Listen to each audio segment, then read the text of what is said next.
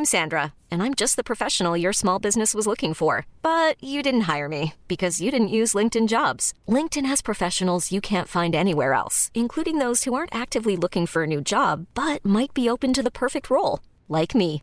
In a given month, over 70% of LinkedIn users don't visit other leading job sites. So if you're not looking on LinkedIn, you'll miss out on great candidates like Sandra. Start hiring professionals like a professional. Post your free job on linkedin.com/achieve today.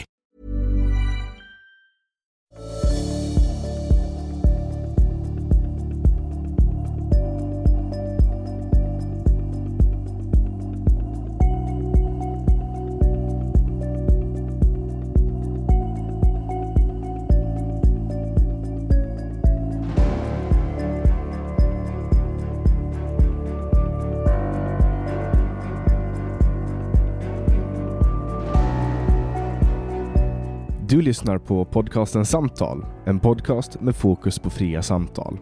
Den här podcasten presenteras av tidningen Bulletin. Om du vill få tillgång till samtal sju dagar före alla andra så kan du gå in på www.bulletin.nu och bli prenumerant.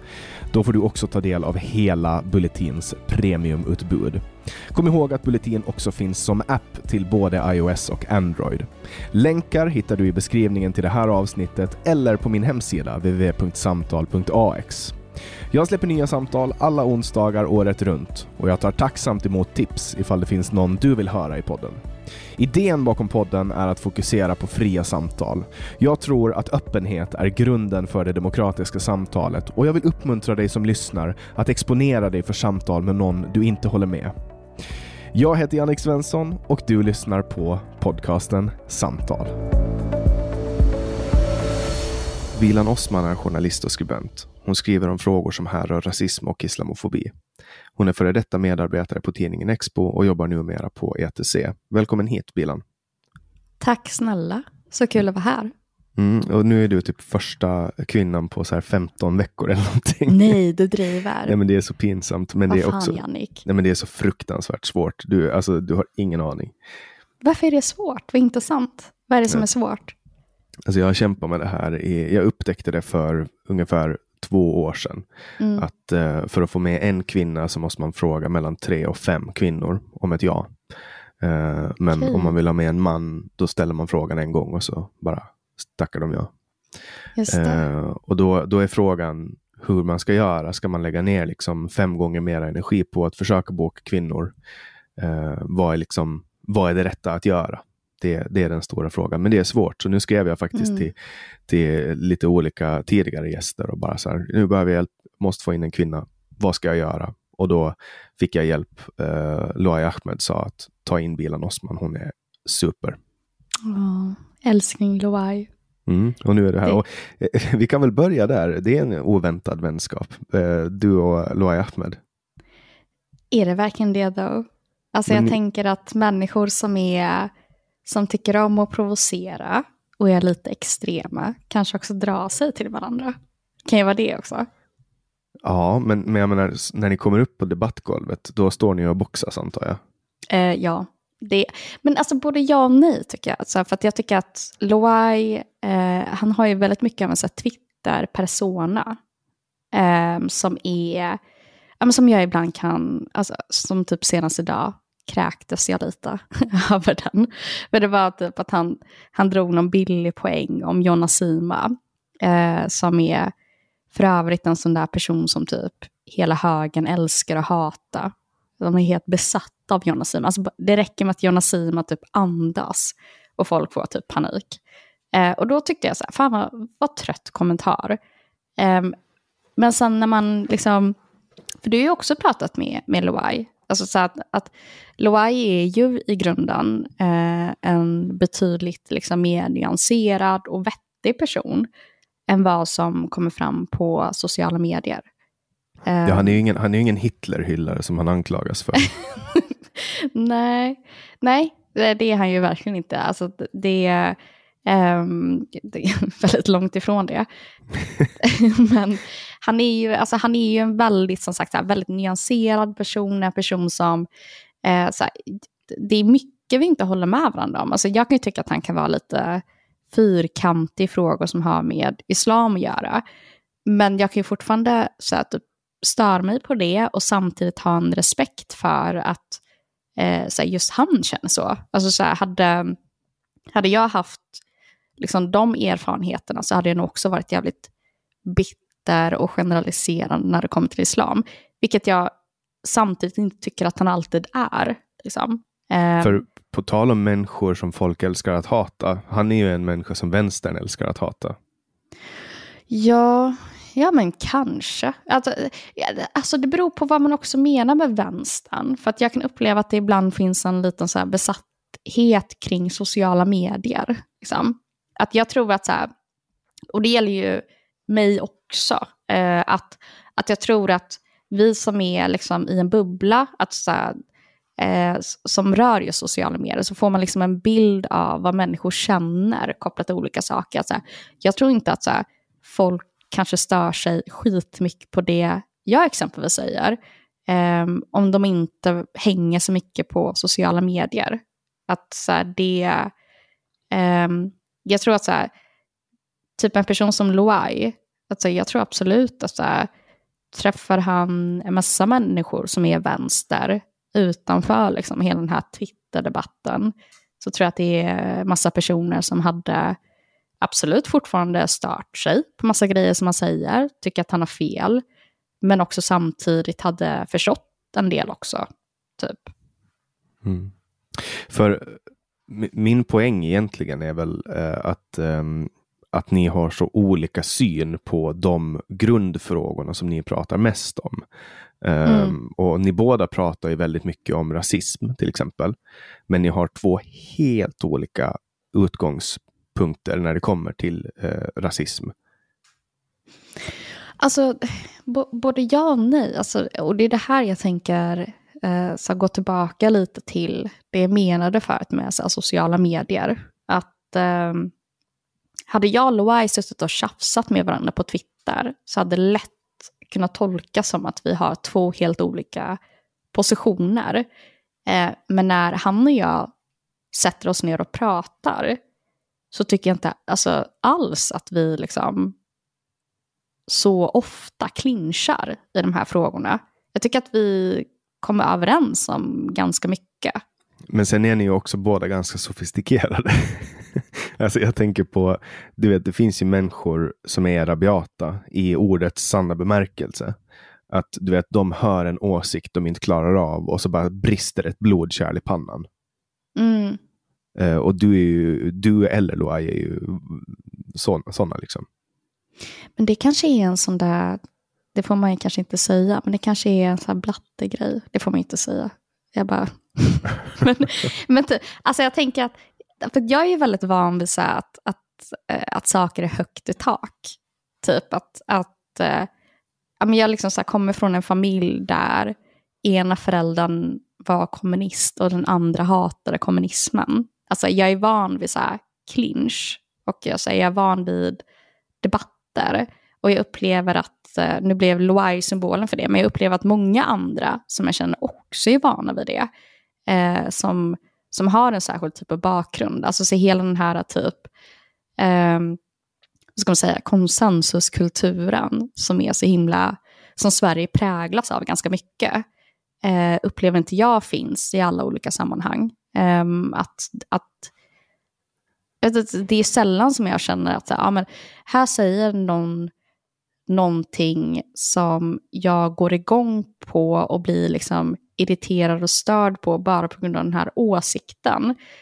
Um, så här, jag känner inte de typen av känslor, men jag kan ju samtidigt bli störd över vad den här personens åsikter representerar och vad det kan få för konsekvenser. Um, som handlar mindre om känslor och mer om typ bara, vad ska jag säga, logik typ. Eller fattar du vad jag menar? Ja. Men vad, vad, tror du att det, det gör, bara för att hoppa tillbaka till det här första, eh, med att det är så svårt att få kvinnor att ställa upp i poddar? Och då, alltså, för det är ju ett, alltså jag, jag känner flera som har exakt samma problem. Mm -hmm. Men vad är, när du säger att få, hur, då behöver jag veta lite mer om så här, hur, um, hur har du gått tillväga? Alltså så här, är det så att du bokar lika många män som du bokar kvinnor? Och du Alltså, ändå får säga, li jag- lika mycket utfall typ?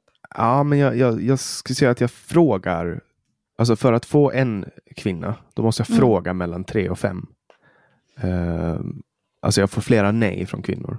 Så om Just jag, det. räcker, om jag räcker fram lika många eh, frågor till kvinnor som män, då får jag en majoritet män Mm. som tackar ja. Det är alltså större sannolikhet. Jag vet att det, det, är nästan, det är jättehög sannolikhet att en man som jag frågar kommer att tacka ja. Medan jag vet att det är mycket mindre sannolikhet att en kvinna jag frågar kommer att tacka nej. Mm. Ja, men det, och det kan jag på ett, köp, eh, så här, på ett sätt köpa. Alltså att... um, jag, alltså, nu kommer jag låta lite hård, men jag tror att män tycker väldigt mycket om att prata om sig själva. Så att jag tänker att man har en större benägenhet då att vara så här, ja men självklart ska jag ställa upp på den här podden eller ska göra det här och så vidare. Um, men just i det här fallet, alltså jag vet inte, för att jag tänker att det finns ju en rad olika poddar som har en massa olika kvinnor som gästar. Så att jag tror inte liksom problemet är att det finns en korrelation mellan att man har en podd och att det är inte är lika många kvinnor och män. Um, det kanske...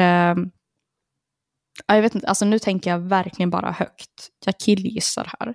Men jag tänker att det kan bero på allt ifrån um, vad man tänker att podden handlar om. Um, att, eh, ehm, och nu får du rätta mig här Jannik, men alltså, din, din podd har ju, eh, skulle jag säga, en, verkligen bredd när det kommer till gäster. Eh, men att det också kanske finns eh, gäster som eh, är och kan upplevas som problematiska. Eh, och att jag tänker att så här, när du ha, har hört av dig till kvinnor, för jag gissar att det är kvinnor i offentligheten, att det kanske är så att du har de kvinnor som har tackat nej kanske också är kvinnor som lutar sig lite mer åt vänster. Eller? Ehm, ja, men så kan det vara. Absolut. Och jag, fast det, är- det är i allmänhet också ett problem eh, i vänstern ser jag. Att det är svårare för folk i vänstern att ge sig ut i, i sådana här samtalspoddar. Tycker Eh, du? Ja, de, de, de rör sig hellre i trygga bubblor. Eh, och nu, det här, är- det här, vi har pratat mycket om det här ehm, också i tidigare avsnitt med andra. Att uh, vänstern i allmänhet tycker jag är sämre på att liksom haka på. Alltså jag håller verkligen inte med där. Eh, och anledningen till att jag håller med, eller jag håller inte med, det är att um, just den här, liksom, man pratar ju väldigt mycket idag om så här, cancel culture. Uh, och jag upplever att den cancel culture finns uh, lika mycket inom högern. Jag tror att skillnaden här är att vänstern inte är lika intresserade av samtal. Eh, och, och, och då menar jag så här, och jag ska försöka nyansera det här så att det inte låter som att vänstern är bara fuck samtal och så vidare. Men jag tänker att så här, jag, när du säger samtal, då menar du min podd. jag, ska, jag skojar. Nej, sluta. Jag tycker du har en skitbra podd. Alltså, det, det var verkligen inte det jag menade. Nej, men jag skojar bara. jag bara, "Eh, dålig stämning redan. Vad har vi kört? 12 minuter? Men, men att jag tänker att Ehm, för, för vänstern, vilket är så här, jag själv är vänster, att, att det, eh, där har man liksom ett bredare, vad ska man säga, ett större eh, perspektiv. Alltså så här, ett, ett större perspektiv kopplat till samhället, ett större perspektiv kopplat till liksom, eh, men vad har människor för materiella villkor, vad har de för så här bla bla bla. Eh, och där, eh, på ett ideologiskt plan, Eh, som det kanske är för typ, vi säger liberaler, att här, det kanske inte är så intressant att individer ska sitta och mötas hela tiden och ha typ, ja men här har jag min åsikt och här har du din åsikt och vi ska sitta och typ så här försöka hitta ett sätt att samtala om det här. Och så här, även om jag som person respekterar det formatet så förstår ju jag också att eh, det kanske på ett ideologiskt plan inte så nära människor som, som jag lite brett här kallar för vänstern. Eh, och då pratar jag om vänstern kopplat till opinion liksom, eh, och debattörer. Jag tror att pratar du med någon random Annette som jobbar inom kommunal, som ser sig själv som vänster, eh, och hon får höra om den här samtalspodden, så hade hon känt så här, det här är skitbra, för då kan det lära mig och ge mig lite verktyg för att kunna hantera eh, rasistiska debatter på arbetsplatsen eller vid fikabordet. Um, men jag tror att så här, det finns en ideologisk konflikt också här i uh, um, huruvida man tycker samtal är viktigt eller om man vill förändra saker på samhällsnivå. Typ.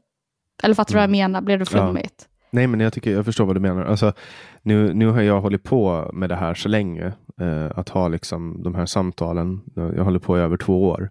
Mm. Eh, så jag har träffat så många människor. Alltså det är över 120 gäster. Det är liksom 240, Oj, wow. över 240 timmar som jag har suttit i sådana här mm. samtal. Och eh, nu har jag en helt annan relation till samtalen än vad jag hade innan. Mm. I början var det en sån här grej som var lite, det var lite nytt, du vet. Eh, det var ju alltså Navid Modiri som, som gjorde det, för mig i alla fall, känt hela den här grejen med, med liksom, eh, samtal. Mm. Um, att man bara sätter sig ner och pratar med folk. För förut var det en självklarhet att jag bara ska sitta och prata med folk som jag hade liknande åsikter med. Eh, mm. och när jag mötte andra, då ska jag möta dem på en debattarena. Och då står man liksom med svärd och sköld i hand. Och vad var ehm. det, får jag bara fråga, vad var det för eh, personer som du känner att det här är de som jag har liknande åsikter med? Ja, men typ andra eh, liberala Alltså mm. riktigt, liberala på riktigt, då, libertarianer typ. Okay, ja. eh, eller folk med samma syn på ekonomi som mig. Eller mm. i, i, i, vissa fall också bara de som man har gemensamma fiender med. Alltså, så är det i högern, att vi, vi, kan, vi kan sluta oss bakom en gemensam fiende. Eh, även om vi inte tycker samma så kan vi liksom gå ihop. Och det har man ju sett. Det, jag, vet inte hur, nu vet, jag har aldrig rört mig liksom i vänstern på det sättet så jag vet inte hur det funkar men jag kan tänka mig lite det. För att alltså den, här, den här oheliga alliansen med Socialdemokraterna och, och um, Miljöpartiet som backas upp av, av C. Det, det är ju liksom en det är gemensamma fiender de har. Det är ju fiender till SD. Mm. Och Det är det som gör att de liksom kan förenas även om de inte har liksom samma grundvärderingar. Då. Även om man tvekar på det. Mm. Såg du att um, det var något lokal någon lokalavdelning till Vänsterpartiet som hade föreslagit att Annie Lööf skulle bli Socialdemokraternas yes. nya partiledare. För hon var, var, van... inte, var inte det ett skämt? Det måste ju ha varit det. Jag, jag, jag, vet inte, men det var, det var, glad, det var, alltså det var klockrent. hon, uh. är van, hon är kvinna och hon är van att leda Socialdemokraterna. Ja, men var det inte typ Vänsterpartiet i Alingsås eller något sånt? Men ja. det, var, det var ju bara... Alltså mer typ trollhumor till vänstern, för det, det var ju verkligen skitroligt. Ja, jag, jag tycker det är jättekul. För att, ja. Och det är också så sant, det är så pricksäkert. Yeah. Hon skulle ju kunna bli det. Ja, men absolut. Hon är ju, alltså precis som hon säger, hon är ju lätt socialdemokrati nu i uh, ett bra tag. Så uh, varför inte, Annie Lööf? Det, det hade ju varit same same. Liksom. Men då, då hade man kanske kunnat få tillbaka lite respekt för henne, för då, då slutar hon ljuga. Hon är en two-faced maniac i min värld. Va? Varför då? Hon säger ju en sak och gör en annan. Tyck, på vilket sätt då? Nej, men alltså, så här, hon, hon säger hela tiden, hon upprepar hela tiden så här, att hon är en, att en liberal motor och liberal politik och så vidare. Och så vidare. Och så står mm. hon och släpper fram Stefan Löfven och Miljöpartiet och låter dem bara skapa så här energikris, cementkris, alltså de bara liksom river ner eh, svenska basinfrastrukturen och hon bara liberal motor, bla bla bla bla bla bla bla. Mm. Och du vet, ställer inte krav på att de ska så här, säkra elförsörjningen eller säkra industrin och, och så vidare. Mm. Men och det är two-faced i min värld. Alltså jag, alltså, eller jag håller ju inte med om att det är two-faced, men inte det här liksom, eh, problemet, tänkte jag säga lite brett, in, alltså bland liberaler. Att det, alltså det ena ser man ju som um, gud vad jag är så trött på det här begreppet med så här galtan. Jag har tröttnat så mycket på galtan. Men, men inte på höger vänster ja, nej, men jag har tröttnat mer på galtan. Alltså jag vill gå tillbaka lite mer till höger vänster. Men, Vi förenklar och, världen ännu mer och bara höger vänster. Ja, nej, men jag tycker inte så här, det är att förenkla, utan jag bara tycker att så här, Galtan just um, möjliggör sådana här typer av, alltså jag menar inte så här, det jag menar att så här, typ, om vi tar liberaler som ett exempel, eh, de skiljer sig så himla mycket åt. Alltså så här, typ, eh, som du vet, alltså så här, Centerpartiet är de mest liksom, radikala när det kommer till marknadsliberalism. Alltså de är verkligen så här, det, det, finns liksom inget annat parti man kan jämföra med som enligt mig har fuckat upp arbetsrätten som Centerpartiet har. Samtidigt så anser Centerpartiet vara ett parti som står för frihet, för jämlikhet, som är ett parti som eh, tror på öppna gränser och, och just den här liksom jag kan tycka att det är så här, typ i den här konflikten så finns så här någonting som jag kan tycka så skaver lite i att så här, men kan ni inte bara ta ställning, typ? Alltså så här, man kan inte å ena sidan rösta ner hela samhället, å andra sidan vilja typ så här framstå som att man är liksom frihetlig. Alltså så här, jag, har, jag har lite svårt för, för den grejen. Och det var det jag tänkte säga just att så här, din irritation där med Annie Lööf tycker jag illustrerar just den här liksom konflikten som finns in, alltså bland liberaler. Men som inte bara gäller liberaler. Alltså jag skulle säga att eh, samma typ av konflikt finns inom vänstern exempelvis. Men, men alltså, i, menar du alltså, alltså, för det här begreppet liberalism? Jag anser ju inte att uh, Centern är liberaler, även om de vill kalla sig det. Eh, um, jag skulle absolut sagt att de är liberaler. Uh, och jag tror att de själva kallar sig för det också ibland.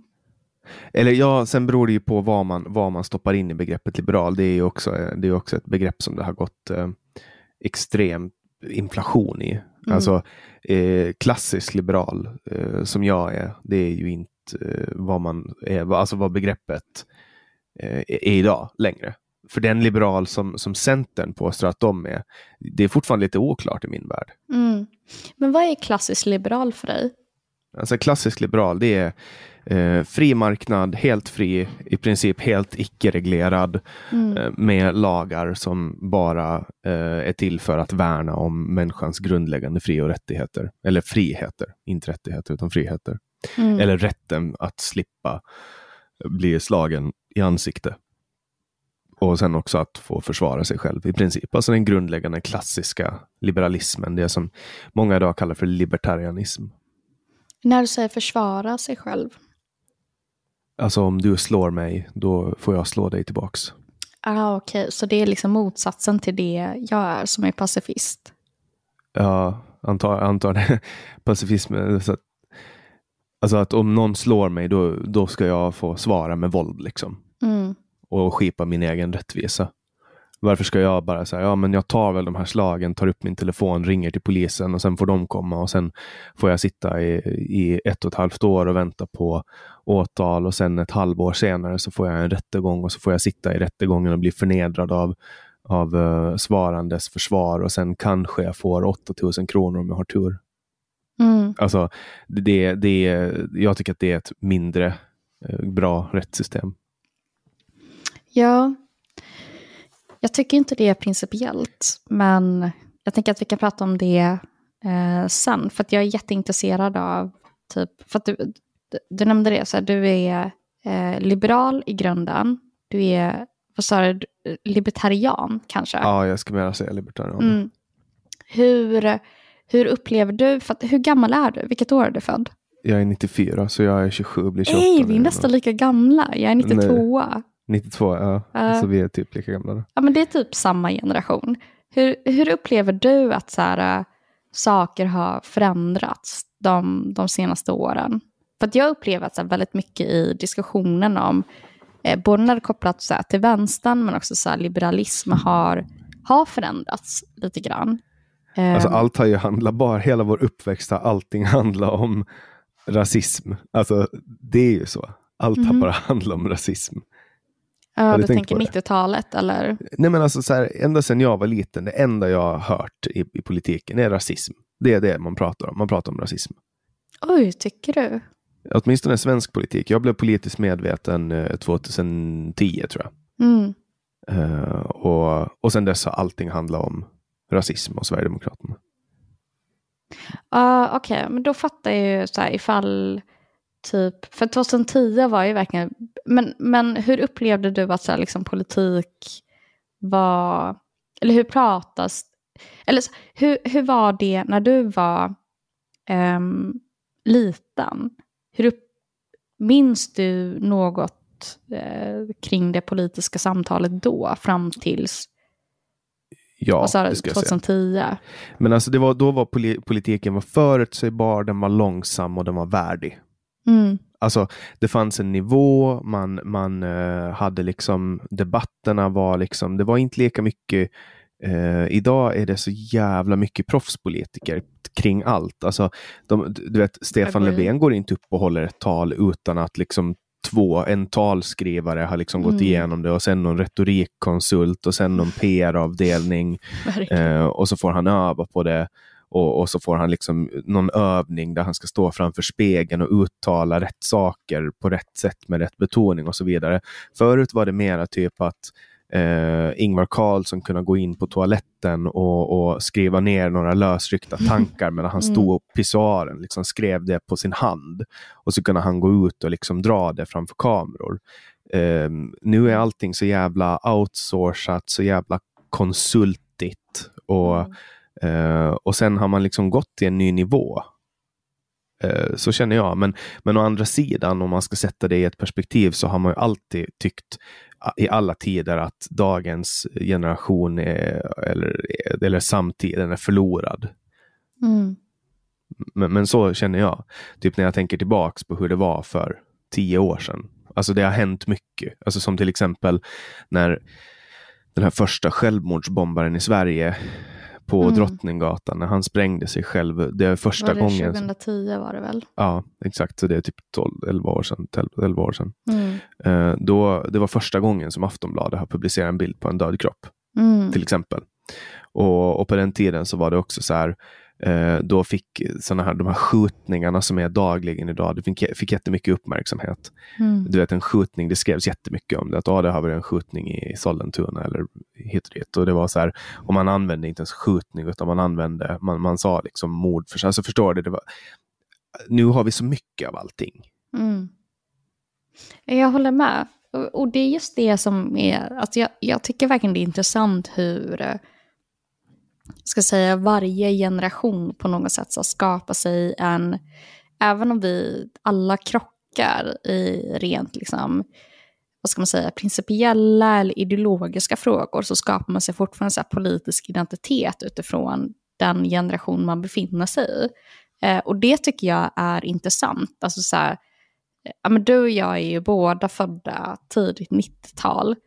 Eh, vad som hände tidigt 2000-tal och framåt tror jag också har påverkat vår politiska identitet. Alltså så här, vad hände från 2000 och framåt? Alltså så här, när vi, när vi först, alltså, för att jag kan ju så här, känna det själv att så här, även om jag inte minns hela 90-talet, jag minns ju delar av 90-talet, jag var ändå åtta år när 90-talet slutade. Men det är ju format ganska mycket av min eh, så här, politiska identitet i att så här, men då, då levde man i så här, ett väldigt så här, nazistiskt Sverige, där skinnskallar fick härja runt. Jag växte upp i Partille, där gick de bananas. Det var väldigt mycket typ ja, men skinnskallar som eh, tyckte om att typ eh, sitta på en park, dricka folköl, såg svarta människor och ballade ur. Och på 90-talet så var det inte jättemånga svarta människor i Björndammen. Det var typ min familj och en annan. Um, så att det har ju format min politiska identitet. Och sen om man precis som du själv var inne på, om man går in på 2000-talet som har varit väldigt format av um, radikal islamistisk terror. Det tror jag också har format min politiska identitet i så här, hur jag ser på världen, um, hur jag ser på de här frågorna. Och jag tycker det, ehm, det är intressant för att jag, det här är någonting jag väldigt ofta bollar med mina egna föräldrar. Liksom i vad, vad var det som formade dem? Liksom. För, för just det här med nazister, alltså det berättar pappa eh, om, om hur de strök runt i gäng i Gamla stan mm. eh, när han var ung, alltså på typ 80-talet. Då kunde det komma stora klungor med nazister. Eh, och då fick man liksom slinka in på någon bakgata för man var rädd att få stryk. Eh, han är en vit man, liksom, men, men de, de var väl liksom våldsbenägna. Men jag har hört olika så här, poddar och intervjuer med folk som har varit nazister när de växte upp. Och, och som jag har förstått det så var mycket av det för att det, det har ju varit på en decline. Det, det, är mindre nazister idag som går runt på gatan och är öppna nazister än vad det var förut. Det är åtminstone min upplevelse, jag kan ha fel, men kollar man på alltså, antalet röster som Nordiska motståndsrörelsen får, eh, sådana som är liksom uttalade Hitler älskar nazister. Eh, så eh, Oj, jag vill ge ett väldigt komplicerat svar på det. Men... Ja, vi, vi, vi kör, jag ska bara avsluta snabbt. Ja. Och, och, att eh, de här eh, gatu-nazisterna som, som fanns då, eh, som, som jag har hört i intervjuer efteråt, som säger så här, ja men jag var liksom ensam och jag var osäker och sen helt plötsligt så fanns det här gänget där för mig och så liksom gled jag in i deras kultur och deras musik. Att det var egentligen aldrig idén som lockade dem utan att det var känslan av samhörighet. Lite som det har varit nu med dagens eh, stora liksom, problem med islamismen att folk liksom radikaliseras in mest för att det finns ett gäng där, det finns en trygghet, det finns uttalade regler, en kultur och så vidare. Mm. Men börja, börja dissekera mina, mina siffror där, för jag kan tänka mig att jag har fel. Nej, gud, alltså det var inte, jag var verkligen inte på väg att dissekera. Nej, men jag, menar, jag, jag, vet, jag vet inte, har, har jag rätt eller har jag fel? Det känns som att det finns mindre nazister som går runt idag än vad det fanns på 90-talet. Alltså det, det jag tänkte säga, men innan det, jag håller verkligen med dig om att det finns så himla mycket som påminner den här liksom, eh, högerextrema skinnskallekulturen med eh, de här personerna som, som reste iväg till IS, eh, i alla fall typ 2015. Att så här, det, det, finns väldigt mycket som påminner om det, om att det, så här, till slut, alltså, just det här med så här, politiska ideologier också blir en subkultur i, eh, där man förenas kring musik och man förenas kring, eller i, i det här fallet kopplat till radikal islamism så är det ju inte ens musik, det är typ så nashid. Men att man förenas kring det, man förenas kring så här klädsel, man förenas kring väldigt många olika saker. Och, så här, och jag håller ju verkligen med dig om det. Um, Sen det jag tänkte säga om typ um, huruvida, um, eller vad som skiljer typ uh, att så här, det kanske inte finns lika många nassar idag som då, är att så här, det jag uppskattade med 90-talet, det var att uh, nazismen var betydligt mer synlig. Um, det var, vi hade liksom VAM som uh, brukade hänga runt på gatorna med um, typ rånarluvor. Um, vi hade senare då Svenska motståndsrörelser, vi hade Nordiska ungdom, vi hade så en rad olika liksom, grupper som um, på olika sätt så här, försökte um, visa med sin klädsel att de var nassar. Eh, och sen så hade vi hela den här brytpunkten, jag tror att det var 95, när typ Mikael Jansson exempelvis um, gick in då i Sverigedemokraterna och sa så här, ja, men nu tänker vi eh, införa ett förbud kopplat till uniformer. Uh, du, får, du får inte klä dig på det här särskilda sättet för att det kommer att förknippas med att du är en nazist. Um, och det, det jag tänker är så att jag tror inte att vi har mindre nassar idag än vad vi har eh, eller eh, vad vi hade på 90-talet. Det jag däremot tror är att nassarna rent visuellt är mindre synliga. Um, och, och det, det, det, finns en massa så positiva och negativa grejer med det. Det positiva är ju att uh, för mig som har liksom så här, um, granskat radikalnationalismen ganska länge, att så här, ja, men det positiva är att så här, vi då kanske får upp ögonen för att det här är en komplicerad politisk miljö, som alla andra politiska miljöer. Eh, det negativa är ju att vi drar ju slutsatsen att det här inte längre är ett problem. För att människor inte längre springer runt med bombajackor och är liksom, eh, ra, har rakade huvuden och inte längre liksom mördar invandrare. Att så här, jag tycker att det är, eh, jag vet inte, viktigt att hålla de här olika tankarna i huvudet samtidigt. Liksom. För det jag tänker att en rekryteringsbas för de här nazisterna har ju varit just att det här gänget har varit liksom, de har haft ett våldskapital som folk har dragits till. Uh, mm. Alltså att de söker trygghet, som folk som söker sig in i motorcykelgäng eller andra gäng där det är liksom uppenbart att de här killarna är stora och starka liksom, och jag är svag och liten. Uh, ta in mig och ge mig den status som folk har, alltså, eller den respekt som folk har mot er för att de är rädda. Uh, och det är ju en, en rekryteringsbas som försvinner, uh, tänker jag. Med mm. att, alltså att de rent visuellt inte syns. Men, men jag tänker att det borde vara ganska lätt att räkna antalet nazister genom att räkna hur många röster Nordiska motståndsrörelsen får. Mm. Uh, för då, då ser man ju vem som rent politiskt är nazist och, och, och, och, och tycker att de presenterar den mest rimliga lösningen för hur man ska lösa Sveriges problem. Alltså, jag, jag fattar verkligen vad du menar, men jag tänker också samtidigt att så här, um, bara för att rekryteringsbasen inte ser likadan ut idag som den gjorde på exempelvis 90-talet, så innebär det inte att så här, rekryteringsbasen inte har förändrats. Alltså så här, um, vi har, och med vi så menar jag då liksom det övriga samhället som inte tycker om nazism, har en bild av nazismen att den är eh, på olika sätt så här, eh, vad ska jag säga, typ att den är stagnerad eller att den är bakåtsträvande, att den inte hänger med. Men samtidigt så har ju extremhögern varit otroligt bra på att anpassa sig till olika samtida fenomen. Alltså, alltså extremhögern var ju en av de första politiska miljöerna på internet med Info 14 exempelvis. Alltså det, um, och detsamma gällde ju även 2015 när extremhögern var otroligt tidiga med att så här, försöka skapa en bas med en poddverksamhet eh, som andra politiska miljöer inte hade. Att det, det jag tänker är, alltså, frågan, frågan är inte så här typ att det som är rekryteringsbasen, eh, jag tänker att den är lika stor, om inte större idag.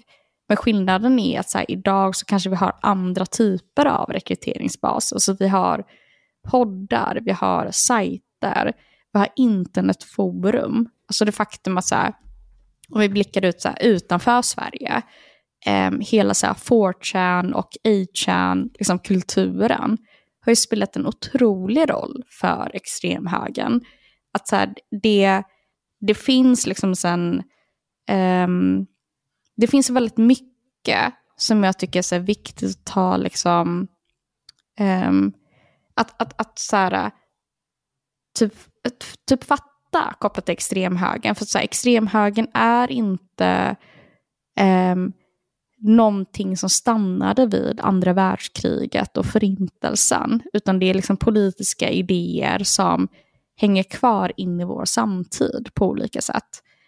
Um, och, och kopplat till radikalnationalismen, där vill jag även räkna in Sverigedemokraterna. För jag tycker att Sverigedemokraterna är liksom det mest tydliga exemplet på hur de här idéerna har vuxit in i vår samtid och liksom normaliseras på det, eh, på det sättet att så här, vi inte längre ens förstår att vi lever med ganska radikala nationalistiska idéer. Men kan det inte vara så att Sverige alltid har varit protektionistiskt mot sin kultur och att det är det som nu kommer fram eh, bara tydligt? Alltså Hur som, menar du då? Ja, men som Socialdemokraterna har ju alltid varit jättestolta över Sverige och mm. eh, svensk kultur och man har alltid höjt eh, Sverige till skyarna. Jag menar, det är bara att kolla på nationalsången från början eller hur man eh, drev politik förr i tiden. Eh, mm. Alltså Sverigedemokraterna är egentligen bara, alltså om man ska vara, alltså om man kollar på väljarbasen som har strömmat dit nu senaste åren, det är ju gamla socialdemokrater. Eh, mm. och det är folk från alla partier, alltså det är en femtedel av Sveriges befolkning, roughly, lite mera, som röstar på Sverigedemokraterna. Uh, och alltså... Jag håller helt med. Alltså det, och de här idéerna, alltså jag vet inte om, alltså, eh, om, om det är de här idéerna om olika människors värde som definierar Sverigedemokraterna. Jag ser ett gäng gammelsossar när jag ser den de facto politik som Sverigedemokraterna föreslår. Sen kollar man på vad eh, representanter för Sverigedemokraterna gör i offentligheten. Eh, det är någonting helt annat. Alltså, om man dömer partier på det, då får man ju ett helt annat resultat än om man dömer det på till exempel deras skuggbudget i kammaren. Eh, eller på det de de facto säger i officiella uttalanden. Förstår du vad jag menar? Det är, mm. det är, två olika partier som träder fram då. Och då kan man välja vilken av, av bilderna man vill kolla på. Och jag förkastar Sverigedemokraterna på båda bilder, för jag tycker varken om gammelsosseri eller, eller uh, det övriga. Men, men du, du förstår vad jag menar? Kanske. Jag fattar precis. Men jag tänker att det är två olika grejer där samtidigt. Alltså så här, um, det ena handlar om nationalism och det andra handlar om rasism. Alltså att, att jag, jag tänker att så här, precis som du var inne på i att, um, du, du nämnde liksom socialdemokratin. Folkhemmet var ju ett tydligt så här, nationalistiskt projekt. Det var, det var inte ett folkhem, det var ett hem för vissa folk. Det var inte ett hem för romer, det var inte ett hem för samer, det var inte ett hem för andra typer av minoriteter, utan det var liksom ett, så här, ett, ett hem för ett särskilt homogent folk. Och det var ju så här, på massa olika sätt, så här, typ en, eh, ett nationalistiskt projekt. Och, så här.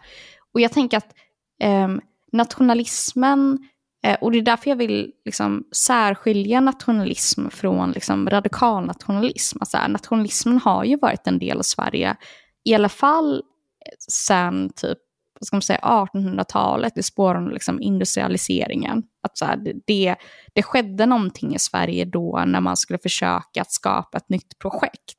Så här, vad, är, eh, vad är Sverige? Eh, hur ska vi se till så att en eh, bonde från Sörmland och en bonde från, eller så här, en bonde från Skåne och en bonde från Dalarna båda ska kunna flytta till Sörmland och kunna liksom jobba där men också kunna hitta en eh, nationell identitet på olika sätt, en gemensam identitet. Att så här, mycket av det som vi, eh, som vi ser som nationalism idag kom ju ur den tiden. Um, och, det, um, och, det, och vi måste också samtidigt komma ihåg att så här, det här var ju en tid då Sverige inte alls var, vad ska man säga, um, på något sätt så här, homogent. Alltså folk pratar liksom olika språk. Um, det som um, idag anses vara liksom så lokala dialekter och lokala kulturer var ju verkligen så egna kulturer och egna språk. Uh, och sen så kom liksom så nationalismen och försökte skapa något slags enhetligt svenskt på ett sätt. Uh, och försökte skapa liksom ett Sverige där um, ja, men det finns medborgare som Eh, ska ehm, prata det här nya svenska och det här nya svenska sättet att vara. Um, och så fick adeln fortfarande sitta där och prata tyska och franska och så vidare. Men det, jag tänker så här, det ena handlar om liksom så här, den här resan Sverige har gjort kopplat till nationalism. Och jag tycker så här, att nationalism är en så himla viktig grej att prata om. För att vi förstår inte på vilket sätt nationalism både då och än idag påverkar oss. eh, påverkar den nationella självbilden, påverkar vår syn på varandra och så vidare och så vidare. Det andra handlar ju om rasism. Och kopplat till Sverigedemokraterna, så här, mitt problem med SD är ju inte att SD är rassar. För vilka är inte det? så där, det finns, alltså för, för, mig som har ett perspektiv kopplat till rasism, så här, rasism är en del av det övriga samhället, oberoende av parti, så är det inte så att Sverigedemokraterna sticker ut. De sticker ut på det sättet att de kanaliserar rasism, men de sticker inte ut i övrigt. Men jag tycker så här, när man ska prata om SD så är det ju viktigare att prata om det faktum att de är nationalistisk, alltså nationalister, och försöka få liksom en, en ideologisk syn på det här partiet. Men för dem, alltså en sosse då, för det är jättemånga, det är ju otaligt många sossar som mm. har röstat på Socialdemokraterna hela livet, som bara känner, nej, nu, nu är det klart för min del, och så bara går de över till Sverigedemokraterna. Mm. Blir de nationalister eller har de alltid varit det? Alltså jag tänker att nationalismen är ju, eh, det är ju verkligen en del av vårt samhälle. Som sagt. Alltså så här, um, det, det, är, det är som att ställa frågan, uh, eller vilket det var i och för sig, kanske det du frågade, men så här, har de alltid varit nationalister? Alltså jag tänker så här, uh, om vi ska prata om Socialdemokraterna på ett sätt, så är det här en inbyggd grej inom socialdemokratin, eller Centerpartiet för den delen, eh, under tiden de hade det här, vad hette de, bondeförbundet? Whatevs. ja, de har, ju varit, de har ju varit nazister även under tiden de hette Centerpartiet. Ja, ja men verkligen. Och det är så här, nationalismen är en sån tydlig del av Sverige, i alla fall sen efter industrialiseringen. Alltså att jag tänker att eh, det är för mig inte en fråga om parti, utan en fråga om att så här, de här idéerna lever så starkt i vårt samhälle. Sen det som särskiljer exempelvis Socialdemokraterna eller Centerpartiet eller Liberalerna eller Moderaterna och så vidare från Sverigedemokraterna, det är att inga av dessa partier har nationalism som en ideologisk utgångspunkt. Sverigedemokraterna är ensamma om det. Eh, Sverigedemokraterna är det enda partiet som försöker att dela upp staten ja, alltså... mellan typ nation och medborgare. Fast, fast jag, jag, vet inte om jag håller med om det. Alla har ju en bild att Sverige är ett folk. Alltså att svenskarna yeah. har ett folk. Liksom. alltså, Sverigedemokraterna är bara de som går ut och säger det rakt ut. Alla andra säger ju typ samma sak.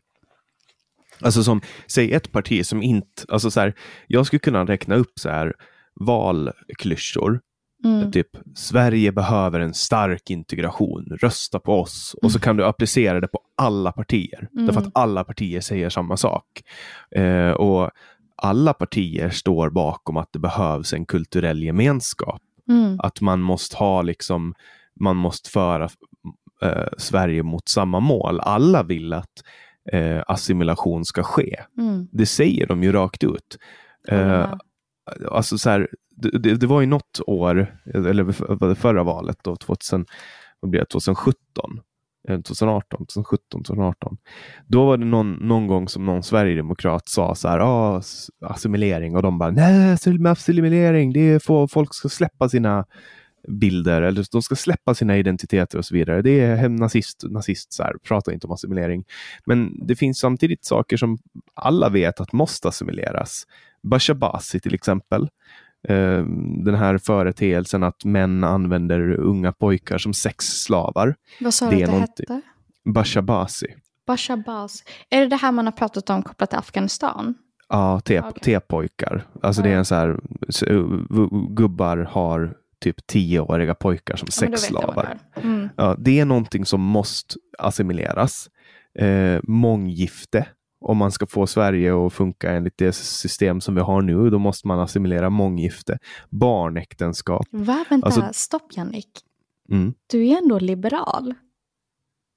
Nej, alltså nu pratar jag ju, alltså jag, jag har ju liksom nu, det här är ju inte vad jag tycker, utan det här är ju Ah, ur svenska samhället. Jag tänkte mer att du skulle gå in i en strid. Centerpartiet drev ju månggifte. Så jag tänkte att du skulle vara team Centerpartiet. Nej, inte i Centerpartiet. Nej. Nej, men så här, alltså Jag så här, ska man få svenska samhälle att funka, Mm. då måste man ju assimilera de sakerna. Där är ju tre exempel på saker som har kommit nu, ganska nyligen in i Sverige och blivit som att man har märkt att oj, det här var ju inte meningen. Så Mm. här, vi vill ju bara vara öppna och toleranta och shit, nu har vi liksom problem med att det finns eh, 12-åringar som är gifta med vuxna män, liksom, som är deras farbröder och sånt. Eh, och Det är ju sådana saker som man måste assimilera. Eh, Alltså jag, det, är b- både jag, alltså det, jag, jag håller på ett sätt med. Ehm, och på många sätt inte. I att, um, Heina har ju skrivit den, har du läst den? Ehm, anteckningar från, anteckningar av, anteckningar från kulturkriget. nej, det har jag inte läst. Den måste du läsa, för den, den är så jävla bra kopplat till just de här frågorna. Nu står jag och Heina väldigt långt ifrån varandra rent politiskt. Han är ju liksom en, ska säga, en sån där äh, person som kallar sig för liberal. Usch. De finns. Vänta, kan du säga det en gång till? Nej, jag ska. Nej, alltså, han är en sån där person som kallar sig för liberal, så här på skämt. Ja, okej, jag tror att du citerar honom. Okej, men då fattar jag. Aha. Så. ja, nej, men jag- jag ska, jag ska eh, se om jag får tag på ett ex. Eh, jag läser ju jättemycket böcker. Ja, Eh. nej, men jag har annars. Om du bor i Stockholm så kan jag bara ge över ett ex. Ja, jag, bor, jag, jag bor i Finland nu, men jag har ganska mycket ärenden i Stockholm, så jag hojtar till när jag är i är Stockholm. nästa- Finland. Gud, Ja, jag vi måste på- prata om Finland sen. Det kan vi göra. Jag bor på Åland. Det är ju världens bästa plats att bo på. Det, Fan vad vill inte- fint. ja, man vill inte bo någon annanstans. Så du vet, man kan, man kan hoppa på färjan och åka över till Sverige om man känner att man har behov av det. Ja, och men det bor gör jag ganska Finland ofta. behöver man inte det, tänker jag. Ja, Tänker alltså, Finland jag, har ju så himla mycket mer än Sverige. Rent bara ju- visuellt i alla fall. jag är ju del av minoriteten, eh, en minoritet, en Ja. svenskspråkig minoritet eh, Ja. i Finland. Mm. Eh, och så att jag har lite problem med att du vet, röra mig i, i mitt eget land. Mm. Dels de tycker inte om mig och dels jag förstår inte vad de säger. Mm. Eh, så då är det lättare för mig att bara du vet, åka över till Sverige. Eh, och sen har jag bott i Stockholm eh, några år så att jag har, eller ganska, ja, fyra, fyra år eller något sånt. Så att jag, och varit jättemycket i Stockholm. Och sen är ju svensk politik, det är ju liksom där jag, det är det jag jobbar med nu i princip, mer eller mindre. Men, eh, Mm. Men just det här med, bara för att komma tillbaka till assimilation. Ja, Jag att- tänkte att det fanns en massa beröringspunkter i det du sa. I att så här, det, eh, ja, men just det här med, för att, för att det var det jag tänkte säga i att så här, ja, men det, det ena handlar om eh, em, som, som en person som inte alls tror på em, assimilation. Det innebär ju inte att alternativet är att alla personer inom en stat ska behöva, ehm, vad ska man säga, komma överens om vissa särskilda typer av idéer eller eh, vad vi anser är liksom, värderingar och så vidare. Att- jag tänker att det ena behöver inte utesluta det andra. Alltså, så här, Men, vi, men om, Mm. om vi tar barnäktenskap som, som exempel. Eh, alla i Sverige bör hålla med om att eh, barnäktenskap är en företeelse som inte ska finnas i Sverige. Det tycker Mm. jag i alla fall. Och om man inte tycker det, då, har man någonting, då, då är det någonting som är fel. Om man tycker att en 12-åring ska gifta sig med en 72-åring. mm, Det, alltså, så, sådana saker, eh, det tycker jag är viktigt att, att, alltså att man sluter sig bakom. För att alltså, det, barn ska vara barn. Liksom. mm, Vi, vi som är vuxna ska skydda barns frihet. För att de kan inte skydda sig själva, för de är barn. mm. Jag, alltså, jag- obviously håller jag med. Även om jag vet att det finns en massa människor som bara är så här, ja men bilen, hon älskar barnäktenskap och Finns det folk som säger. Och, ja gud, alltså folk har en så jävla märklig bild av mig. Varför säger de så? För att du har sjal? Eh, alltså, jag har svårt att se det på något annat sätt. För att jag har ju nog aldrig sagt någonting ens i närheten av det. Det finns ett gammalt rykte om att jag också tycker om stena kvinnor. Eller att jag tycker om stening. Så att det, det finns... Uh... Är, det, är det för att du är ett islam? Ja, jag tror det. Jag är islam. Jag är, är kalifen. Verkligen. Det är bara, blev typ narcissist plötsligt. Nej, men, men. det... Eh, nej, men det finns, det finns ju, alltså, jag kan typ inte ens uttala mig om de här frågorna utan att så här, folk går in med någon särskild liksom, typ, idé om att så här, ja, hon, hon tycker säkert någonting annat. Typ, som är så himla, ja, jag vet inte, jag typ gett upp. Men, men, men ska vi prata lite om det då? Ja. Um, du, du, är, du är, är du troende mm. i, i den bemärkelse att du går i moskéer och så? Oj, är det det som är att vara troende? Tänkte jag säga. Nej, men jag... Ja, men om, så, om någon säger så här, jag är troende, alltså någon mm. kristen, då tänker jag så här, ah, okej, okay, den går aktivt i kyrkan och tar nattvarden och sådana grejer. Ah, okej. Okay. Det är min tolkning. Liksom. Ja, jag fattar. Eh, då kanske vi har lite olika tolkningar av tro. Men jag är absolut troende på det sättet att så här, jag tror på Gud, jag ber. Eh, jag försöker gå till moskén ibland. Jag är inte så bra på att göra det. Men eh, jag är inte heller bra på att alltid be. Men jag försöker att hålla bönerna. Så att jag är ju troende. Om du um, tänker så typ, praktiserande av tro på olika sätt. Så är väl en praktiserande muslim. En praktiserande muslim. Du gör typ saker som muslimer gör och kallar dig själv för muslim. Ja, precis. Som 23 procent av jordens befolkning älskar. Det är ganska mycket. Det är ja. nästan en fjärdedel av jordens befolkning. Ja. We are a lot. Men ja. Men hur tänker du koppla till, eller vad, vad tänkte du för övrigt? Jag ska inte... Eh, nej men alltså så här, eh, det är ju en, en av de största konflikterna som jag uh, upplever att Sverigedemokrater har. Det är att islamerna kommer och tar över världen. Uh, det är ju typ det som, som man hör när folk pratar om uh, alltså rädslor. Mm. Man är rädd helt enkelt för att det har kommit jättemycket muslimer till Sverige och nu ställer de höga krav på svenska samhället och att man ska anpassa sig. Eh, tror du att, eller känner du igen den rädslan? Det är en avgiftsfråga. Men... Alltså jag, jag, känner igen det, men jag vet inte om jag hade paketerat det som um, en rädsla. Alltså bilden av muslimer um, är ju en, alltså, samma typ av bild vi har idag, som är typ bilden av muslimer som barbariska, som bakåtsträvande, som på olika sätt klandervärda. De här personerna, eller de här idéerna, eh, är ju... Eh, det är ingenting nytt. Alltså, samma typer av idéer hörde vi redan på, liksom, för flera hundra år sedan av muslimer.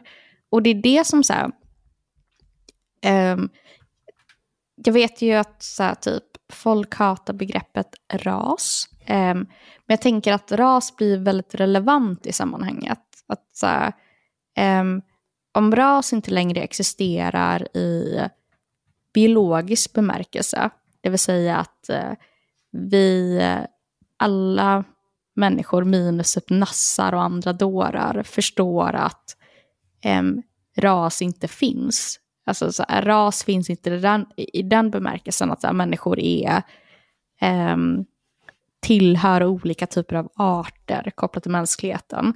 Utan så här, vi fattar att så här, ras existerar inte, punkt. Um, men samtidigt så är det ju så att så här, ras existerar i liksom, social bemärkelse. Um, och jag tycker att just kopplat till gruppen muslimer, att det blir särskilt påtagligt. Alltså så att, att det blir... Um, här, här pratar vi liksom om 23 procent av jordens befolkning som har fått en massa tilldelade egenskaper om hur de är, vad de har för åsikter, hur de beter sig och så vidare och så vidare. Att så här, det, det säger ganska mycket om hur eh, ras levande, även kopplat till de här frågorna. Um, och det är så många människor som väldigt ofta vill säga att så här, ja men vadå, islamofobi? Det är väl inte en form av rasism, för islam är väl inte en ras? Um, som att ras överhuvudtaget existerar till att börja med, men att så här, det, det säger ganska mycket om så här, det faktum att så här, vi har som sagt en ganska stor av jordens befolkning som ge, genom tvång blir tilldelade egenskaper. Men sen hör jag också ofta så här att islamofobi är inte en fobi, för en fobi är en irrationell rädsla och det är en rationell rädsla att vara rädd för islam. Den har man ju hört några gånger. Jag har också hört den, och det, och, men det intressanta är ju att samma människor säger inte samma grej om homofobi. Liksom. Alltså så här, det... Um, alltså fobibegreppet. Och jag håller helt med om att det inte borde, liksom så här, jag tycker inte det, det är ett bra begrepp. Liksom. Men alltså homofober sitter ju hemma och är rädda för att bli våldtagna av bögar. Det, de sitter typ och skakar. Det är så jag... men, men jag tänker samtidigt att så här, det, ja. Men jag tänker också att så här, typ, samma människor på riktigt hade typ sitter hemma och är skiträdda för att typ muslimer kommer komma och spränga deras lokala ICA. Mm. Men tar vi till exempel då eh, vilket land som helst som, som lever e, e, enligt sharia-lagar mm. eh, så har vi en begränsad eh, sammanslutning i deras årliga Pride-parader. Det är ju inte alltid som du vet, de är jätteprogressiva när det kommer till hbtq plus rättigheter. Eh, så att man, man förknippar ju inte åtminstone inte i min värld, förknippar man inte liksom eh, islam med hbtq-frågor och deras positiva inställning. Det är lite så jag tänker. Mm. Att, eh, alltså jag tänker att så här, den frågan eh, är komplex utifrån det faktum att så här, ehm, vi vet ju att så här, även i länder där demokratin har fått en backlash, alltså vi tar så här, västerländska europeiska demokratier som Polen exempelvis. Um, där får ju också hbtqi-rättigheter en backlash. Alltså frågan är så här typ, tycker jag, att så här, många av de länder som vi väldigt ofta refererar till, så ingen har det bra där. Det är inte som att så här, hbtqi-personer har det skit, men resten av befolkningen har det svinbra. Alltså det, det är för mig en större fråga om typ demokrati. Och här, vad, och vi behöver inte så använda begreppet demokrati, men vi kan använda begreppet så här, typ jämlikhet eller typ um, vad får människor för typ möjlighet att överhuvudtaget inte kunna leva fattigt. Alltså så har man inte den grundbulten, um, alltså, så, så, den, den, den grundidén om hur ett samhälle ska kunna organisera sig, um, där människor kan, om vi tar typ så Saudi som ett exempel, där det är, det är skitrika länder. Um, Saudi eller Qatar eller så här, typ en massa olika länder som är så här svinrika. Men det är bara typ eliten som är rika. Resten av befolkningen lever i fattigdom. Så hur, hur gör man då för att i ett sånt samhälle som queer-person kunna kräva egna rättigheter. Ja, man flyr till, ett, till en västerländsk liberal demokrati. Det är, väl, alltså, det är väl det bästa man kan göra, tänker jag. Alltså, jag tror ju inte det. Det, det jag tror snarare är att så här, den här idén om att så här, typ, eh, vad ska jag säga, queera rättigheter eller typ kvinnors rättigheter eller andra typer av rättigheter, att de skulle på något sätt vara så här, frågor om eh, människors, vad ska jag säga, eh, det är nästan som att vi ibland så diskuterar det här som att det, det ligger i människors så här, typ DNA och gener. Att så här, vi bara vet allihop att så här, de här personerna från det här bredare arabvärlden kommer aldrig kunna acceptera kvinnors rättigheter eller queera rättigheter. Och det är liksom inte så här, ett sant, för att många av de här länderna som vi upplever har en backlash i de här frågorna är samma länder som personer från västvärlden rent historiskt åkte till för att kunna leva ett queert liv. Alltså det här är ju länder som, typ så här, om vi tar typ Egypten som ett exempel. Alltså queera människor back in the days åkte dit för att också kunna typ leva ett fritt och queert liv. Och det säger någonting om att det inte handlar om att så här, människor Nej. är så per se. Alltså, den arabiska våren till exempel, det var ju ett försök till att, att liksom frigöra sig. Mm. Eh, det gick inte bra. Alltså de här, de här länderna i Mellanöstern har ju visat sig att, att demokrati funkar inte där, inte nu i alla fall. Mm. Enda, enda eh, landet där demokratin funkar, det är Israel och det är mest fördömda landet i FN eh, som finns. De blir och fördömda varannan dag. Liksom i jul. Ska du dit i jul? Mm. Vad trevligt. Mm. Uh, jag vill jättegärna besöka Israel. Ja, alltså jag vill ju inte det. Rent uh, politiskt vill jag inte alls det. Men uh, jag skaffade barn med en israelisk man. Så jag kommer i resten av mitt liv tvingas åka till Israel. Skojar, hårt. Det, för det är sällan jag blir stressad, för jag tycker alltid att man har så mycket tid när, när det är två timmar. Men, men nu med dig känns två timmar lite. Det är för att vi eh. vibar, Jannik. Det det. Exakt. Eh, det, vi, vi vibar. Det var länge sedan jag hörde det uttrycket. Det är väldigt eh, typ eh, fjällräven konken uttrycket. Uh. men eh, jag tänker på det här med, med eh, ras mm. och eh, vithet och vithetsnormer mm. eh, och så vidare. Du har ju skrivit jättemycket om det här genom åren. Mm. Eh, var börjar vi ens? Hur, hur, börjar vi prata om det här? Vad, vad, jag behöver inte ställa en fråga, utan jag antar att du kan bara ta upp den här bollen och prata om det. Eftersom och så håller jag en till monolog. De bara, alla som lyssnar bara, what the fuck. Men det är ju du som är gästen. Det är ju inte meningen att jag ska prata mer än 15-20 procent. Uh, men jag, tänker, jag tänkte faktiskt ställa en fråga till dig. Kör. Får jag det? Absolut. Uh, när, uh, för att du sa att jag har skrivit om det här. Uh, så då utgår jag från att du har läst det. Ja. Vad, vad är dina spontana tankar? Alltså det jag kan, eh, alltså tänker du på allmänt eller, eller det du har skrivit?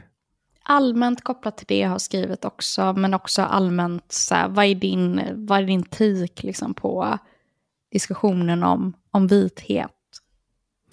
Jag tycker ju inte att frågan är intressant. Uh, för jag har ju massa andra frågor som jag tycker är intressanta. Uh, och, och då blir det på samma sätt som att jag inte tycker att klimatfrågan är intressant. Eh, för att jag har massa andra frågor. Så att typ mm. på det sättet. Eh, jag tycker inte att klimatfrågan är oviktig bara för att jag inte tycker att den är intressant. Eh, men jag är väldigt dåligt inläst på det. Eh, på samma sätt som att jag är väldigt dåligt inläst på det här med ras och olika teorier.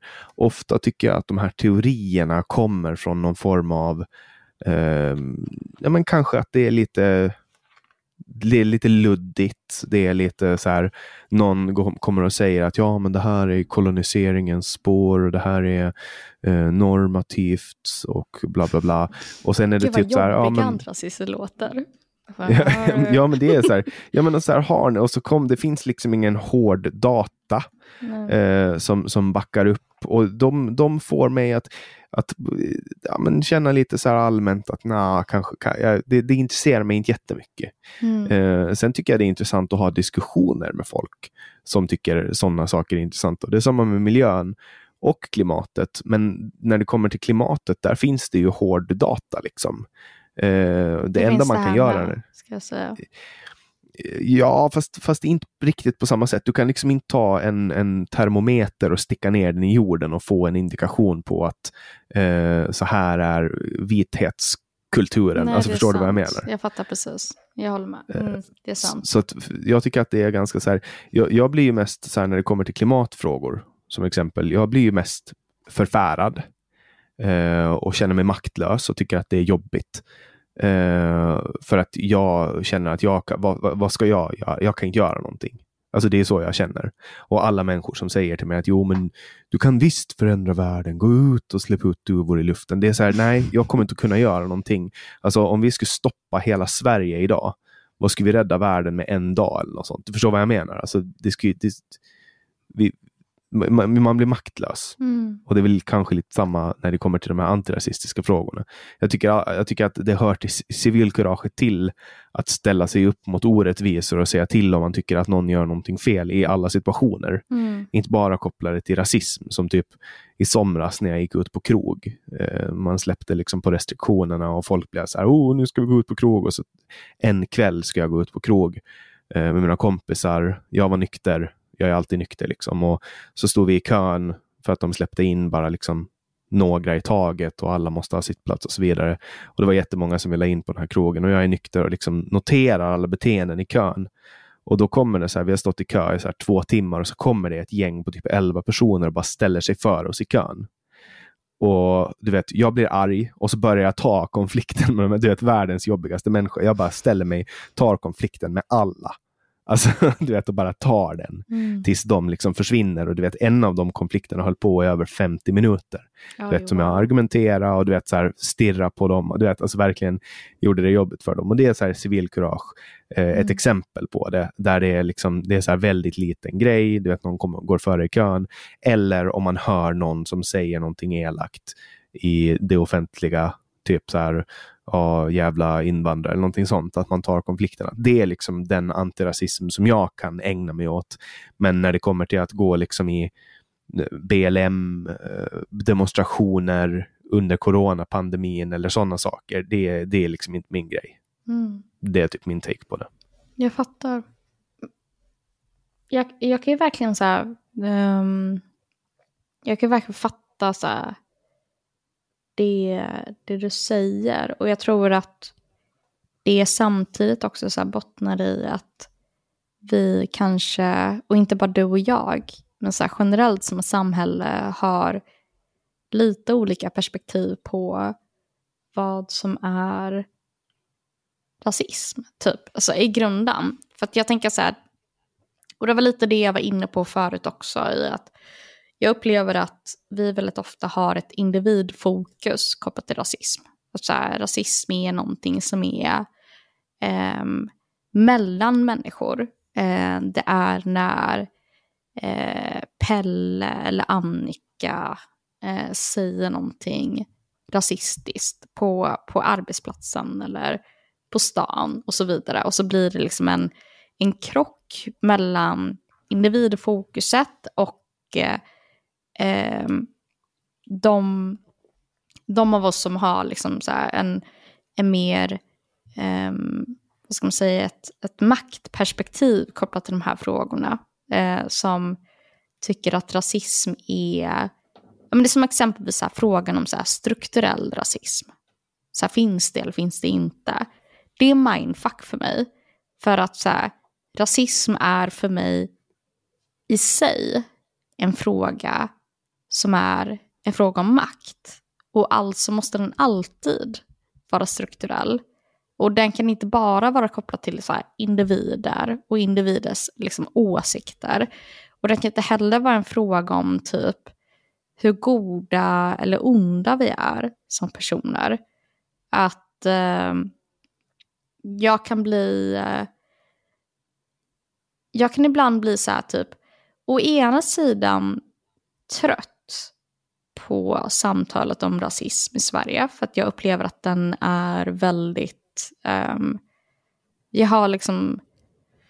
Ja, men vi har en bild i Sverige av att vi är väldigt så här, typ toleranta och godhjärtade och underbara på alla olika sätt. Eh, och jag kan bli trött på det eh, och samtalet som liksom omgärdar det. Men jag kan också samtidigt eh, fundera väldigt mycket på så här, hur kan vi prata om de här frågorna på ett sätt så att det faktiskt får genomslag? Alltså så här, på ett sätt som så här, får människor att lyssna. Um, och det är någonting jag har funderat på kopplat till så här, mina egna uttalanden. Att så här, hur, Um, är, det vikt, är det viktigare att jag får någonting sagt eller är det viktigare att människor lyssnar på det jag har att säga? Och jag tycker det har varit eh, svårt som balansgång. Mm. Men jag tänker också det här med, med rasism. Jag, nu, nu har inte jag liksom superbra eh, litterär koll på rasism, men jag tänker rent spontant att rasism är någonting som, som uppstår hos människor och djur. Eh, att det är någon form av flockbeteende och att det har att göra med att vi är på något sätt värnar om vår flock. kan man säga. Och vi är ju djurmänniskor, även om vi är ganska smarta och har liksom eleverat vår teknologiska nivå ganska högt, så är vi fortfarande djur. Och Det är bara att titta på en kåt gubbe så, så vet man att det stämmer. Um, och, och jag tänker att om jag skulle flytta till till exempel till en by i Spanien, uh, då, då skulle mitt, uh, min exteriör skulle göra att det var naturligt att människor tittade på mig eller betedde sig annorlunda gentemot mig. Och det är rasism, även om den är positiv eller neg negativ. Mm. Jag får en annan behandling på grund av mitt ursprung. Eller på grund av, av eh, liksom min, min exteriör, då, så att säga. Mm. Och det, det kan ju lite förenklat vara rasism. Jag vet inte om du håller med mig där. Men, men jag, jag håller verkligen med. Alltså jag tror att eh Eh, och då är vi inne på, kanske inte rasism, för att så här, rasism är, eh, som, jag tänker inte säga är, för att jag tänker verkligen inte framstå som att jag bara, jag sitter på sanningen. Men så här, min egen personliga liksom, eh, idé om vad rasism är, är att så här, det är en fråga om makt. Eh, hur maktresurser fördelas och så vidare. Men så här, eh, det andra är en fråga om, eh, tänker jag, fördomar.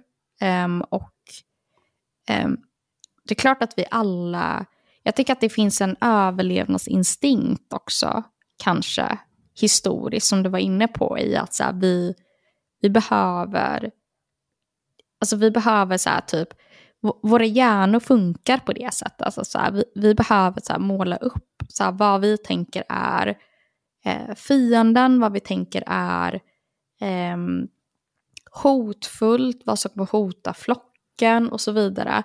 För att också kunna, så här, det, det, vad ska jag säga, så här, det är vårt sätt att så här, förstå, förstå världen på något sätt. Um, och vi förenklar och det gör vi, vi hela tiden. Verkligen. Jag gjorde en förenkling tidigare. Liksom. Ja men verkligen. Och, det, och det är så här, det är ingen som undgår det. Alltså, jag förenklar hela tiden också. Alltså, så här, eh, när jag går på stan och jag ser en person, eh, då min hjärna det ständigt till en massa mentala bilder och är så här, ja men den här personen den klär sig på det här sättet eller är på det här sättet eller beter sig på det här sättet. Alltså måste den vara på det här sättet. Um, och, det, och det är verkligen så här fördomar. Um, och, och det i sig tycker inte jag är konstigt eller för den delen dåligt. Alltså så här, frågan är ju bara vad vi väljer att göra av det. Typ. Och om jag väljer att göra praktik av alla mina fördomar um, i mitt sätt att vara, i mitt sätt att bete mig, um, då, kommer ju, uh, då kommer jag bidra till ett samhälle som mår skit. Liksom. Ja, alltså om du skulle gå ut och liksom säga att du inte tyckte om polacker och då gick yeah. du ut och klubba polacker på stan, liksom. mm. det, det skulle ju inte funka. Ja, det är väl det Endel, det är det Endel gör. Ja. Alltså de går ut och alltså, slår eller misshandlar sina politiska motståndare och så vidare. Mm. Och det är, ju, det är ju ett sätt, det är också någonting som måste assimileras för, för att funka med, så vill man ha ett samhälle som lever i demokrati. Så jag tror varken du eller jag är jättestora fans av demokrati i sig eller det statsskick vi har. Eh, alltså jag är ett fan av demokrati, men jag är inte ett fan av nationalstaten. Men så här, är, är, tycker du verkligen att demokrati är, är så bra då? Jag tycker alltså om det. du ska vara helt riktigt ärlig. Ja, jag tycker det. Och sen så är bara frågan så här, vad lägger vi i begreppet demokrati? Det är majoritetens diktatur. Ja, men, men det är en annan grej.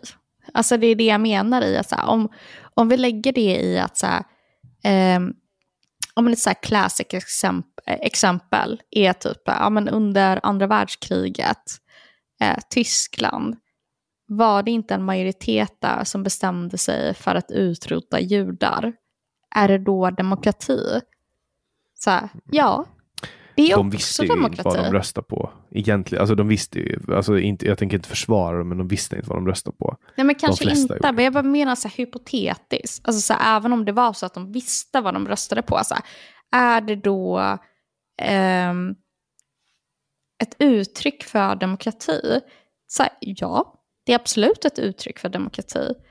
Men demokrati är ju samtidigt också raka motsatsen. Alltså, demokrati kan ju vara på massa olika sätt samtidigt. Alltså, ehm, jag köper inte riktigt bilden av att demokrati är en grej. Sen kan jag fortfarande ha ett problem med att, så här, om vi tar typ, um, för mig som har, som är särskilt intresserad liksom av eh, hur västvärlden har plågat eh, delar av eh, Mellanöstern och Afrika eh, de senaste decennierna. Så där blir demokrati ganska intressant. Alltså så här, är det demokratiskt att exempelvis Alltså- USA kliver in i Afghanistan ehm, och våldför sig på den befolkningen? Eh, ja, så det är demokratiskt, men det innebär inte att det är den enda formen av demokrati. Förstår du vad jag menar? Ja, för samtidigt så kan det ju vara, alltså, nu, nu blir jag ju automatiskt djävulens advokat, men, men Kör. alltså att, att gå in, eh, att USA går in i Afghanistan, eh, det kan ju också vara att gynna demokratin. Nu lämnar de ju Afghanistan och det var ju inte att gynna demokratin. För nu faller ju allt som de har liksom byggt upp och, och det faller inte bara ihop utan det faller också i händerna på talibanerna. Eh, och då vi, då är ju allt som man har försökt med, var ju, det var ju inte värt det liksom Mm. längre. För nu har man blivit av med det. Eh, om, om du förstår vad jag menar. Jag fattar precis, verkligen.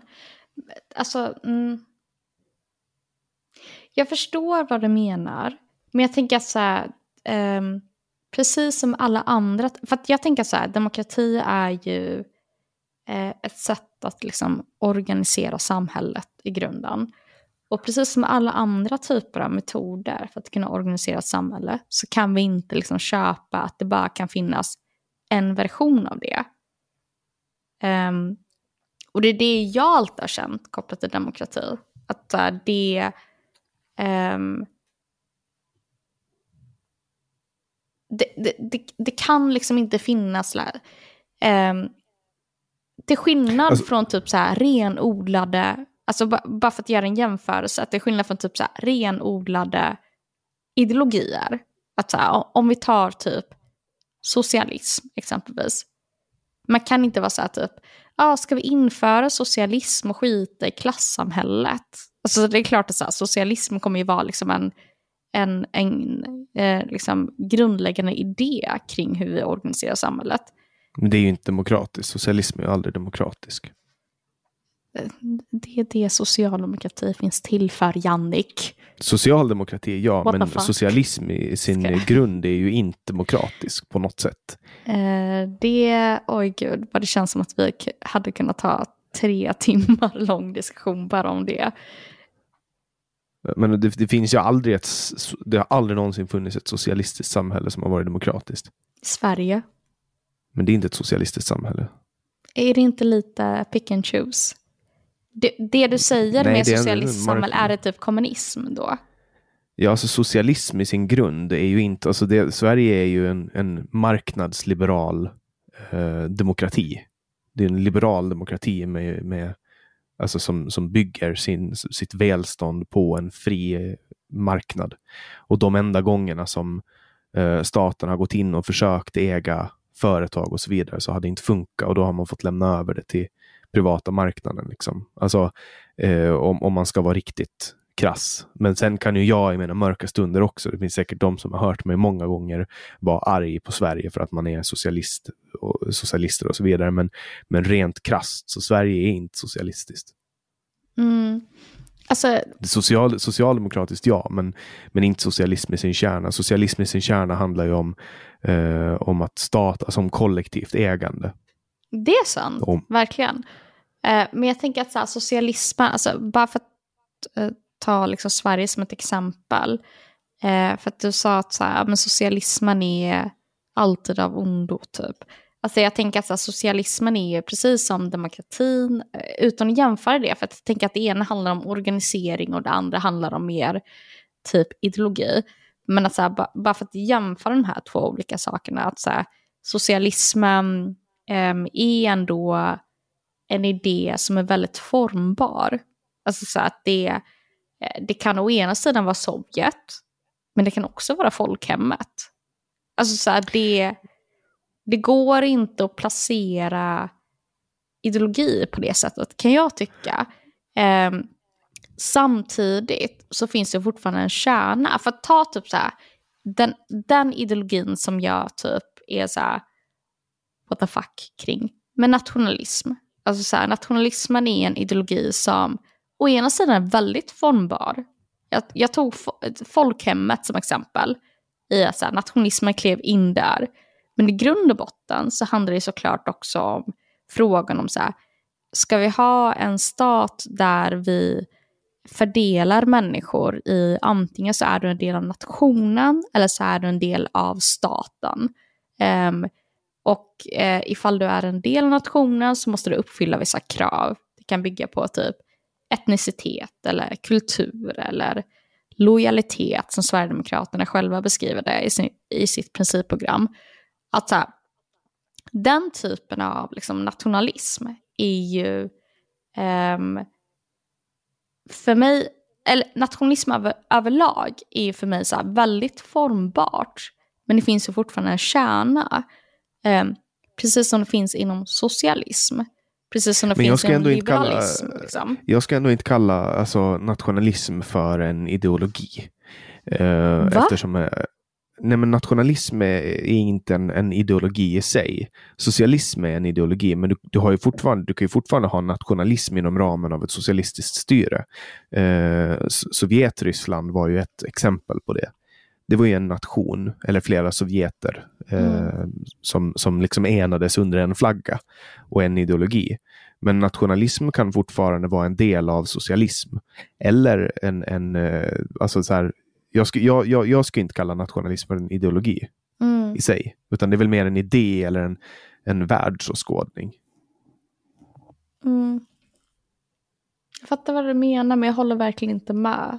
Um, jag skulle sagt att nationalism i allra högsta grad är en ideologi. Um, och, det, och det var det jag så här, var inne på i, så här, precis som socialism. Att, um, det är det här jag för övrigt, Jannik, så här, stör mig på i människors sätt att så här, eh, fördumma SD-väljare. Alltså människor som röstar på SD, det är som att de inte har en egen politisk identitet, utan det är alltid så här typ, ja men de, antingen säger det så här, ifall man frågar vänstern, typ så här, oh, de vet inte bättre, eh, de är frustrerade, ehm, eh, de har gått igenom massa ekonomiska situationer som har gjort så att de tvingas till att rösta på SD. Eller om man frågar högern så är det så här, ja men det är människor som har typ fått nog. Um, det är folk som eh, liksom ser Sverige gå under och eh, tycka att allt är skit. Typ. Um, och det visar ju på något sätt, tycker jag, um, hur man avideologiserar nationalismen. För att, så här, på, på samma sätt så resonerar man aldrig kopplat till så här, typ, socialdemokratin. Eller kopplat till liberalismen för den delen heller. Att så här, det, men det, du kan ju fortfarande vara en person, eller en stat för den delen heller, som influeras av en massa olika tankar och idéer. Um, utan att vara liksom så här renodlat, typ um, fanatisk kring den här idén. Men du kan ju samtidigt också vara en person som, um, vad ska jag säga, um, är en vanlig väljare som är komplex. Som inte sitter och har en massa olika typ tankar och idéer om vad, ja, jag har typ 180 högskolepoäng i typ vad nationalism är eller vad socialism är. Typ. Alltså, ja, jag vet inte. Jag tycker att det är viktigt att hålla, hålla det isär. jag, liksom. jag tror att folk kan, kan, kan rösta på Sverigedemokraterna utan att omfatta deras ideologi. Jag tror att mycket, alltså desto sämre det går för Sverige kopplat till integration och typ gängvåld, desto mera kommer folk att rösta på Sverigedemokraterna. För att det, det är det man hör. Så här, Nej, nu har jag fått nog. Nu är det ett barn som har blivit skjutna. Jag kommer att rösta på SD. Det hör man ju lite nu och då. Så här att folk bara så här ger upp och de bara, ja men nu ger jag upp. Nu röstar jag på SD. Att, att mycket kommer, du vet att det kommer liksom kopplat till invandring, för det är det enda Sverigedemokraterna pratar om. Invandring och trygghet. Det är det enda de pratar om. Mm.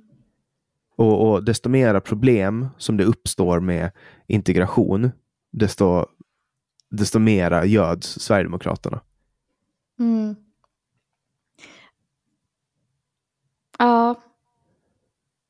Jag vet Och, och, och, och, alltså för, för jag, jag, jag tolkar det mycket som att Sverigedemokraterna fortfarande är en enpartisfråga. Att det har inte att göra med att de eh, liksom Alltså det, det har inte att göra med något annat än att de, de, de är så här, ah, men vi ska ha mindre invandring. Vi, vi ska, det, alltså de, de har ju liksom hängt upp allting på invandringen. Och att det är det som får folk att rösta på dem. Alltså jag håller verkligen inte med om att Sverigedemokraterna är en enpartisfråga. Utan jag tycker att så här, Sverigedemokraterna är, de är ett nationalistiskt parti. Um, och det innebär att man är intresserad av de frågor som man tycker rymmer inom ramen för vad som är intressant för nationen. Så det innebär så här, Sverigedemokraterna de bedriver kulturfrågor, um, frågor om ekonomi, frågor om arbetsrätt, eh, vilket för övrigt eh, för att kopplat till arbetsrätt var ett sånt jävla haveri när de hade sitt eget, vad var det? De hade typ ett fackförbund. Så jag tror att de kallade det för typ så här, löntagarna, eller något sånt, eh, som var jättecringe för några år sedan. Men alltså, för de är inte så här, de är inte ett enfrågeparti på det sättet, de driver inte bara en fråga. Utan det handlar mer om att så här, de driver en massa olika frågor så länge det gynnar de personer som de tänker är en del av nationen. Men Sverigedemokraterna ska inte vara någonting utan invandringsfrågan. Ja, men det är deras, alltså rent opinionsmässigt så är det ju deras liksom go-to-grej. Alltså det är deras sätt att så här, försöka måla upp en konfliktlinje. Deras sätt att så här, Men- försöka säga. Men skulle, skulle, skulle, skulle hela Sverige, liksom, den frågan skulle, skulle försvinna helt, då skulle inte Sverigedemokraterna locka folk längre. jag Jag tror inte att någon skulle, skulle välja Sverigedemokraterna, för de är de enda som har gått ut och, och, och liksom pratat om de här sakerna Mm, eh, i över tio år nu. mm, Alltså så långt jag kan minnas så är de de enda som har sagt så här, nej vi ska minska på invandringen, vi ska ta mindre asylsökande, vi ska till och med skicka tillbaks folk. mm, Alltså det är typ de enda frågorna som, alltså så här, det, det som jag hör när, när folk pratar så här, ja ah, du är Sverigedemokraterna, du, du tycker inte om invandring. Det är typ det som folk kopplar Sverigedemokraterna till. Eh, och Sen upplever jag de flesta partier som nationalistiska i Sverige. Alltså, Alltså, som, mm, Sverige är ju en nation och man vill värna om, om liksom det svenska språket. Det är inget konstigt att man värnar om det svenska språket. Eh, det är inget konstigt att man värnar om traditionerna. Man, man lär ut om traditionerna i skolan. Man, alltså du vet, det är, det, är, det är nationalstaten. Det är liksom lära om nationalstaten. Man lär liksom kommande generationer, så här gör vi i Sverige. mm, Det är nationalism, alltså att sjunga nationalsången för att ena folk, eh, känna gemenskap eller den blomstertid nu kommer. Det är också en, en nationalistisk yttring mm. Där folk känner gemenskap. Liksom. Att, att jag skulle säga att alla eh, riksdagspartier är nationalistiska på något sätt. Jag menar, så- Stefan Löfven målade, målade eh, Sverigeflaggor i ansiktet och åkte och kollade på OS i, i Ryssland. Mm. Det var visserligen valår då, han gjorde allt för att synas, men alltså, det är ju en, det är ett uttryck av nationalism. Mm. Alltså, verkligen. Men jag tänker, alltså, eller det jag tänker är, och nu tänker jag verkligen så jävla mycket högt. Um, för att min hjärna är så här typ super of ofokuserad just nu. Men, men jag tänker så här, det ena handlar om um, så, typ, det, när, när man pratar om så här, typ nationalistiska tendenser inom, eh, vad ska man säga, inom staten, eh, typ Sverige, eh, så tycker jag att de nationalistiska tendenserna finns ju. Du, du nämnde exempelvis att typ Sverigeflaggan eller eh, OS eller att man för den delen så här, vem fan blir då eh, inom ramen för den bemärkelsen, vem blir inte typ så här, nationalist eh, varje gång det är VM? Alltså jag gick bananas när det var VM. Så hur mycket så här typ, jag är superantinationalist, jag tycker att så här, eh, nationalstaten inte ska existera och så vidare. Men jag gick ju verkligen bananas så fort det blev VM och Sverige spelade. Och det, det är inte någonting som är liksom dåligt i sig, utan så här, det jag funderar mer på är att nationalismen som ideologi har ju fått forma vår gemensamma identitet. Um, och jag tror ju att den gemensamma identiteten kan formas efter andra saker. Exempelvis... Men tror du inte att det är den gemensamma identiteten som har skapat det som vi kallar för nationalism då? Att det är tvärtom? Alltså, till viss del tror jag det. Verkligen. Till viss del tror jag det. Um, och det är inte tack vare nationalismen, men så jag tänker att så här, till viss del så har det varit det för att eh, vi har inte överhuv vi hade överhuvudtaget ett, så här, haft, vad ska man säga, behovet av att eh, identifiera oss med varandra eh, om det inte hade varit för eh, nationalismen. Alltså, då hade vi mer varit så personer som led på varsitt håll, hade våra olika lokalsamhällen, eh, våra olika så här, lokalidentiteter och så vidare.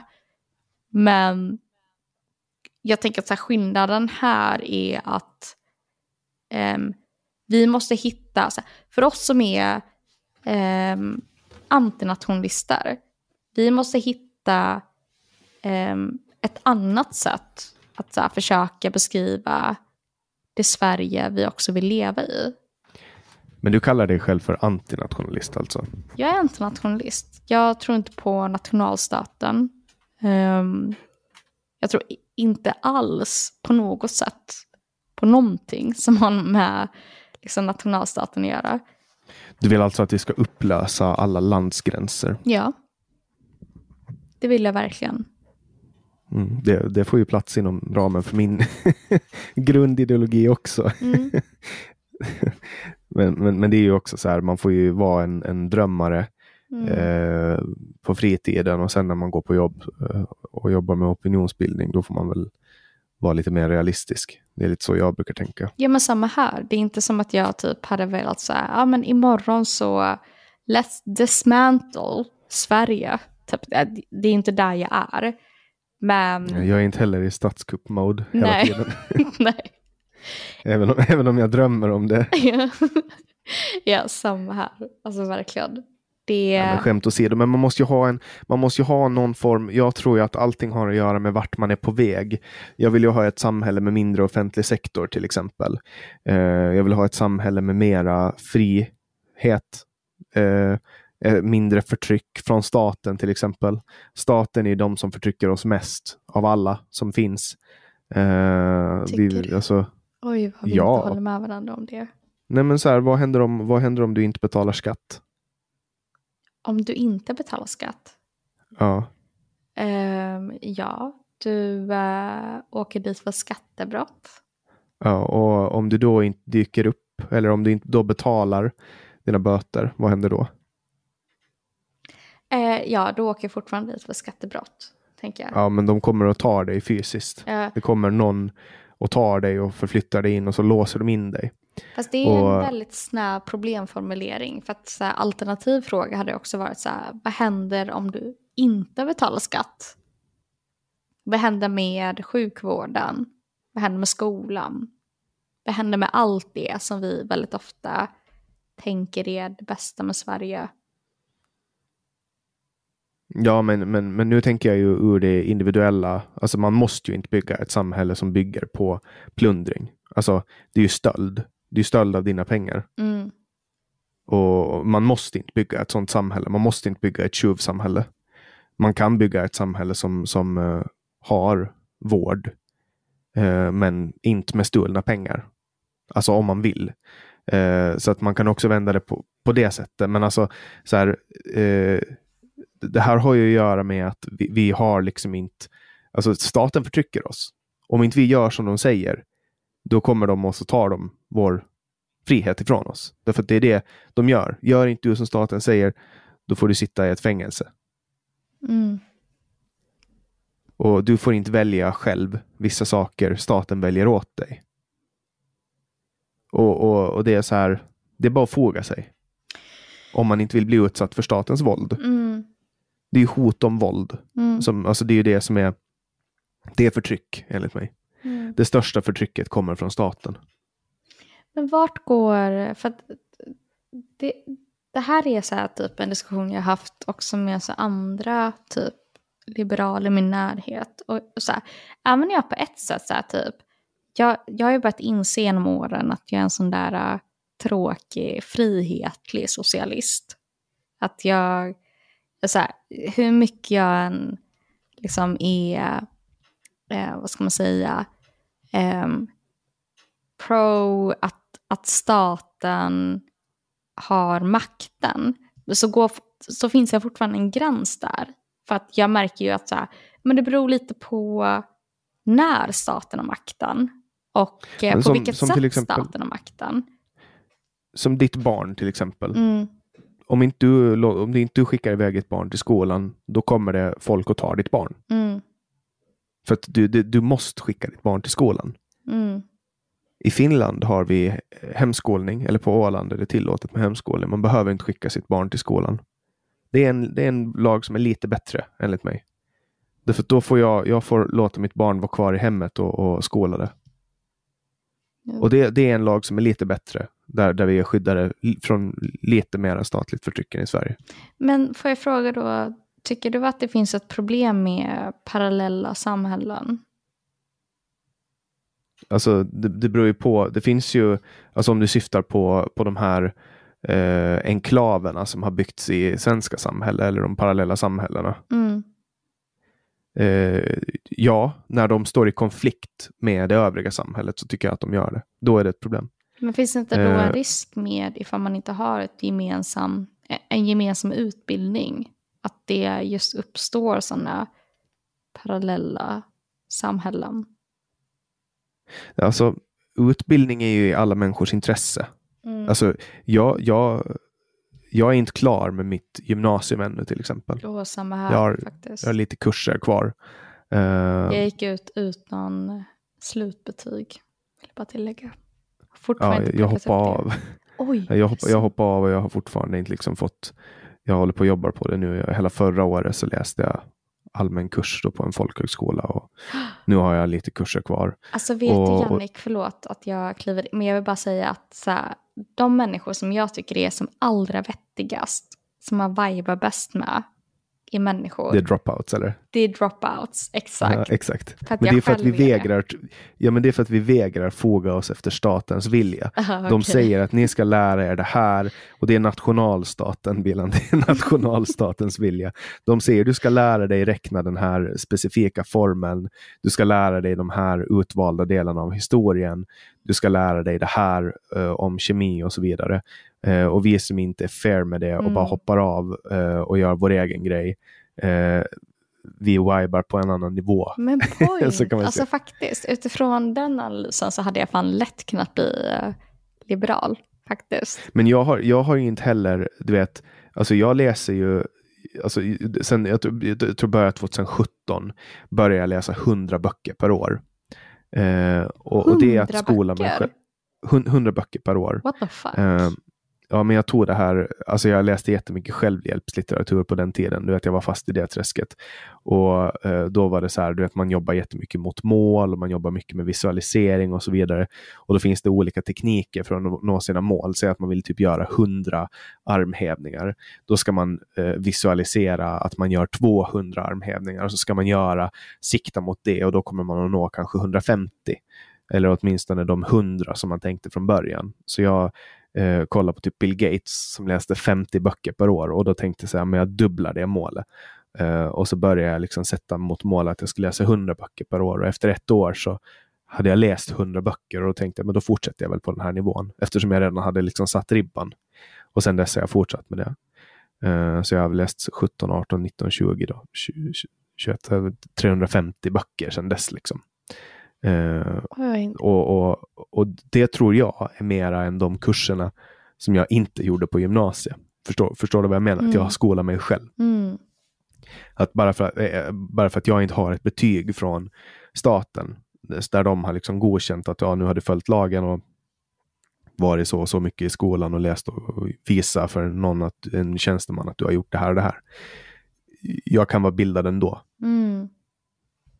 100 procent. Eh. Jag känner igen mig så himla mycket i det.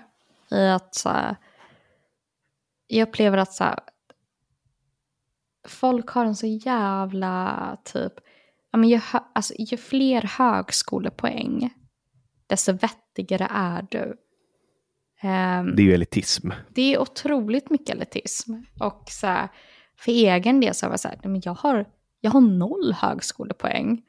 Alltså det, det, jag gick ut från gymnasiet utan fullständiga betyg. Jag fick ett sånt där slutdokument, eller vad det kallades. Jag hade nio IG och två streck. Att jag, precis som du, skolkade mig igenom det. Um, och sen efter det så gick jag på folkhögskola på journalistlinjen. Och det, och det var så himla betydelsefullt för mig. Att, så här, att då känna så här, okej men jag fick åtminstone det här. Um, och så blir man så här, ibland lite trött också på folk som ska vara typ, ja men om du inte har pluggat det här, om du inte har de här poängen i statsvetenskap, whatevs, så tycker inte jag tar dig på allvar. Hon bara, ja, men det, orkar För det, jag, jag, hoppade av, jag hoppade av gymnasiet för att jag fick jobba vidare.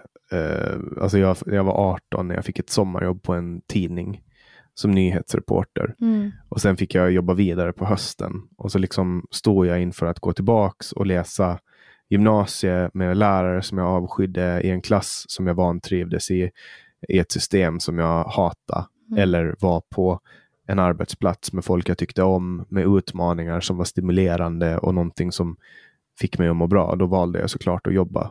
Eh, och jag menar, jag har klarat mig. Jag har inte svältit, tvärtom. alltså, det, det är klart att jag väljer att- då att gå ut i samhället. Mm. Sen finns det ju såklart ett problem med folk som inte går ut gymnasiet och sen inte får jobb. Men det är ju, det är ju en annan grej. Det bottnar ju någonting helt annat.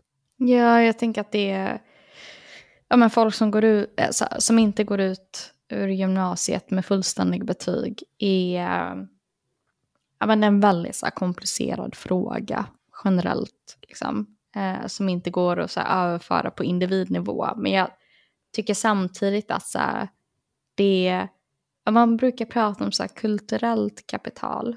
Att för egen del kan jag väldigt ofta uppleva att så här, jag, jag växer verkligen inte upp i ett hem där, ehm, alltså hur politisk familjen kom från, så var det verkligen ingen som var så här, ah, Nietzsche.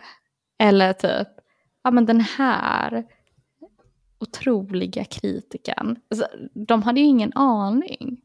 Um, och jag kände halvt att jag fortfarande inte har någon aning. Men att det, det, det är fortfarande så någonting som jag tänker så här, skapa lite olika förutsättningar för att gå tillbaka till liksom så här, ja, men diskussionen om offentliga debatter, om rasism och så vidare. Att det... Um, alltså jag vill ju verkligen att så här, vi ska kunna diskutera det här på så här, typ lika villkor. Så här, det ska inte krävas att man ska ha tusen olika högskolepoäng för att kunna prata om frågor som har med rasism att göra exempelvis. Men samtidigt också kunna ställa eh, basic krav på människor som pratar om de här frågorna. Mm. Och nu gör ju vi vår egen grej liksom. Mm. Vi, vi, är ju två obildade personer som gör vår egen grej. Yeah.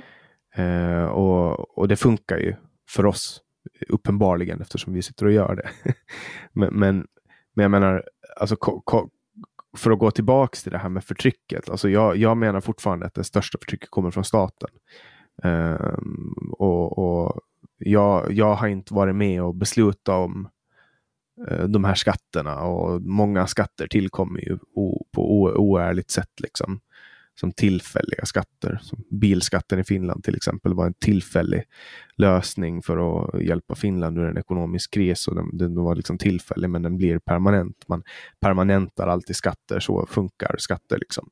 Man säger att ja, nu lägger vi en tillfällig skatt på det här och sen bara fortsätter man det. Och det enligt mig det, det är stöld helt enkelt. Man, man tar folks pengar, man snor folks pengar staten är, är, ju, alltså för mig, eh, en förtryckare. Alltså det är en, en institution som förtrycker. Uh. Tanken, tanken är att det ska vara bra. Uh, men långt ifrån allt är bra med staten och det finns jättestora problem. Och Det bästa man kan göra är att ta bort så mycket makt som möjligt från staten och, och ge tillbaka den till folket. Mm. Därför att när man ger makt till staten, då tar man den av folket. Människor får inte välja själva vad de ska göra, var de ska bo, och så vidare och så vidare. Mm. Och det är det man uppoffrar när man ger det till staten. Men tänker du, alltså så här, för jag tänker samtidigt att så här, både du och jag sitter ju här och kan sitta och snacka om de här frågorna tack vare socialismen. Alltså välfärdssamhället. Är inte det en produkt av just socialismen?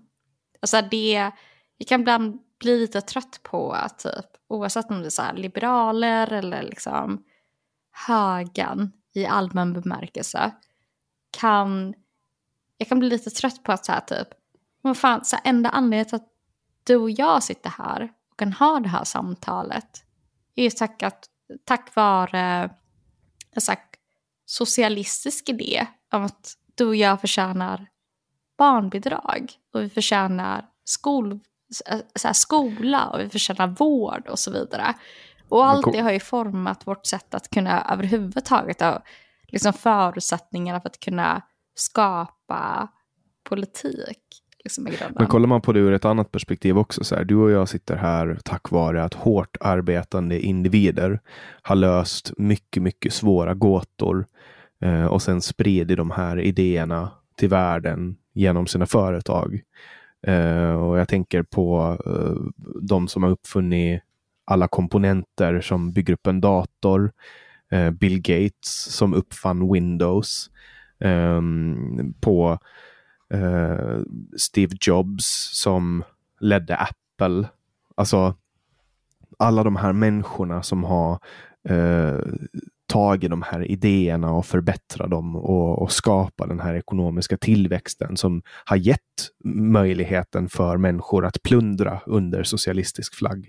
Det är ju de, det är hårt tänkande individer och hårt arbetande individer som har skapat alla de här pengarna som staten sedan har plundrat och liksom redistribuerat till människor.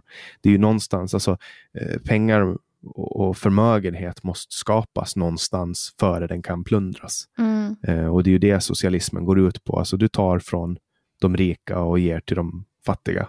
Ja, det är att dra socialism, socialismen lite hårt. Men om vi tar Bill Gates som ett exempel. Alltså att um, om Bill Gates hade varit, uh, vi kan kalla honom för Sven. Han är född på Södersjukhuset i Stockholm. Han har levt hela sitt liv i Stockholm. Han har medelklassföräldrar, eh, han har ett enormt kulturellt kapital och så vidare. Eh, och han dessutom har fått de ekonomiska förutsättningarna för att överhuvudtaget kunna vara sig själv. Eh, det vill säga, um, han har fått uh, möjligheten till vård. Han har fått möjligheten till utbildning. Han har fått möjligheten till, jag vet inte, allt det som rymmer inom ramen för välfärden. Um, kan man då bara prata om Bill Gates som att han vore en person som bara är ett unikum? Eh, alltså, jag vet inte om, om, om du försöker få det till att bli eh, liksom på något sätt kollektivt nu, men alltså vi har ju alla människor som någonsin har gjort en uppfinning, eh, alltså uppfunnit någonting eller förbättrat en uppfinning. Alltså det är som att liksom eh, det är jättesvårt att uppfinna hjulet på nytt. Alltså försök odla eh, någonting utan kunskapen att odla. Eh, eller, eller försök skörda och så eller eh, boskap, alltså om vi går tillbaka till de här gamla, gamla yrkena, eller försök trycka en bok utan kunskapen som vi har fått från boktryckarkonsten och det är exakt samma sak när det kommer till mjukvara och teknologi. Men sen finns det pionjärerna. Alltså att, att, att utveckla ett företag, starta ett företag, det är, en, det, är det är farligt. Det finns så många minor du kan gå på och du sätter din, eh, dina pengar och din, ditt, ditt, hus i många fall i, i risk. Eh, och ibland lönar det sig och ibland lönar det sig inte. Men, men, att liksom utveckla, att ha de här människorna som går före och utvecklar de här eh, produkterna, alltså som Windows. Vad skulle världen ha varit utan Windows? Tänk vad många enheter och små maskiner och saker som har försvunnit tack vare att att Bill Gates eh, la den här källkoden till Windows eller mm. Linus Torvalds som, som eh, koda Linux eller Steve Jobs bara för att ha tre stora pionjärer inom mjukvara. Men sen har du hårdvarupionjärerna och företagen, Nokia, Sony Ericsson, eh, alltså saker som har liksom kopplat ihop mänskligheten. Alltså, alla de här sakerna är det ju så, människor som har gjort. Det är ju inte, Sovjet uppfann ju aldrig någonting som vi har idag förutom jag har skämtsamt någon gång sagt att det bästa Sovjet har gjort det är liksom robusta skinnkarbusar eh, som, som de kunde ha på huvudet. Liksom. Um, men, men, i övrigt så socialismen föder inga sådana um, ehm, i, i, alltså, alltså, socialismen tar inte fram eh, sådana eh, innovationer. Det enda socialismen gör är att den tar av människor och sen får den människor att sluta eh, arbeta och sen blir det sämre för alla. Det, det är min take på socialism. Ja, uh, alltså, mm, alltså jag, jag håller å ena sidan med dig om att eh, vetenskap och så allt vi har format är ju inte bara produkterna av liksom, individen, utan det är också produkterna av historia och liksom, omvärlden. Eh, eh, som Ibn Sina, eh, Ibn Sina, tror jag att det uttalas. Jag pratar inte arabiska.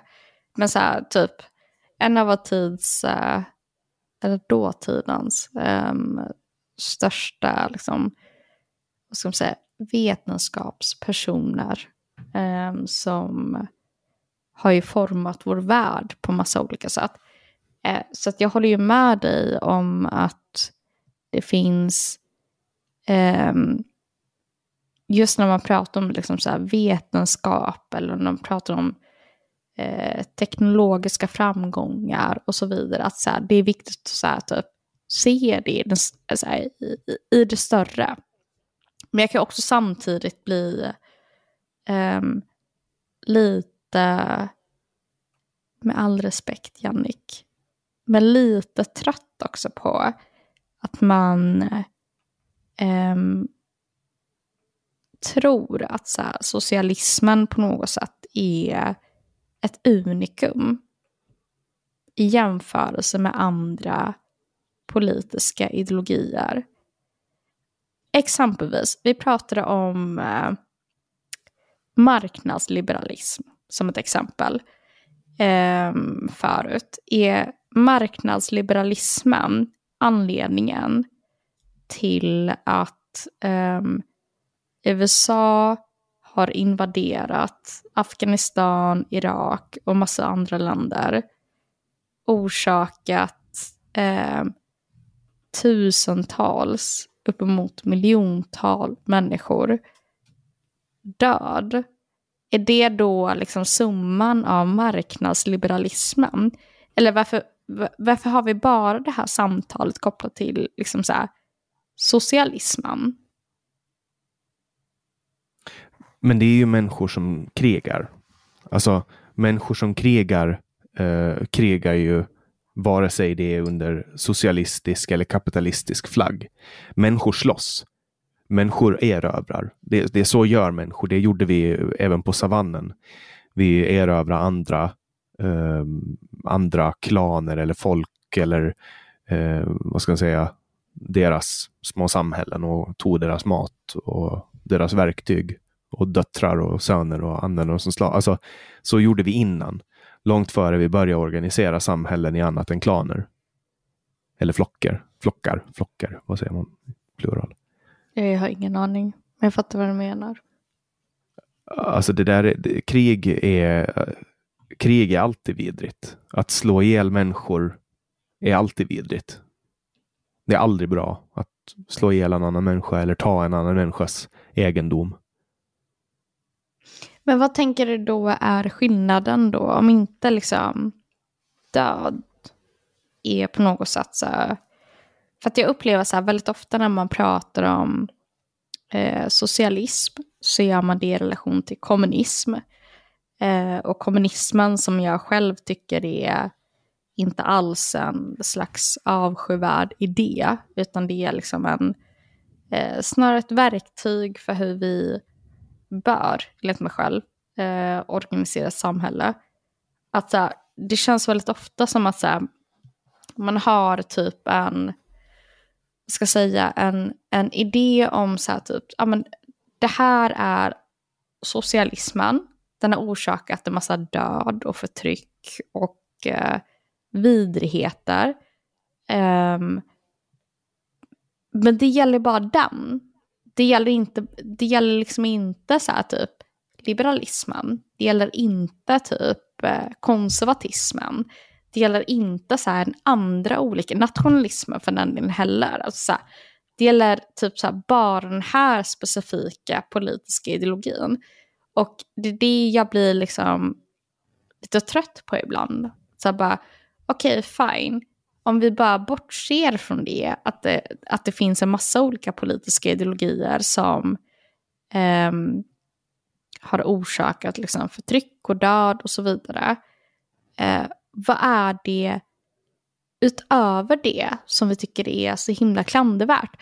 Och jag fattar typ att du säger så här typ, ja men det är att staten kliver in och liksom våldför sig på individer. Um, men det kan ju inte heller vara så att typ det som är kontentan.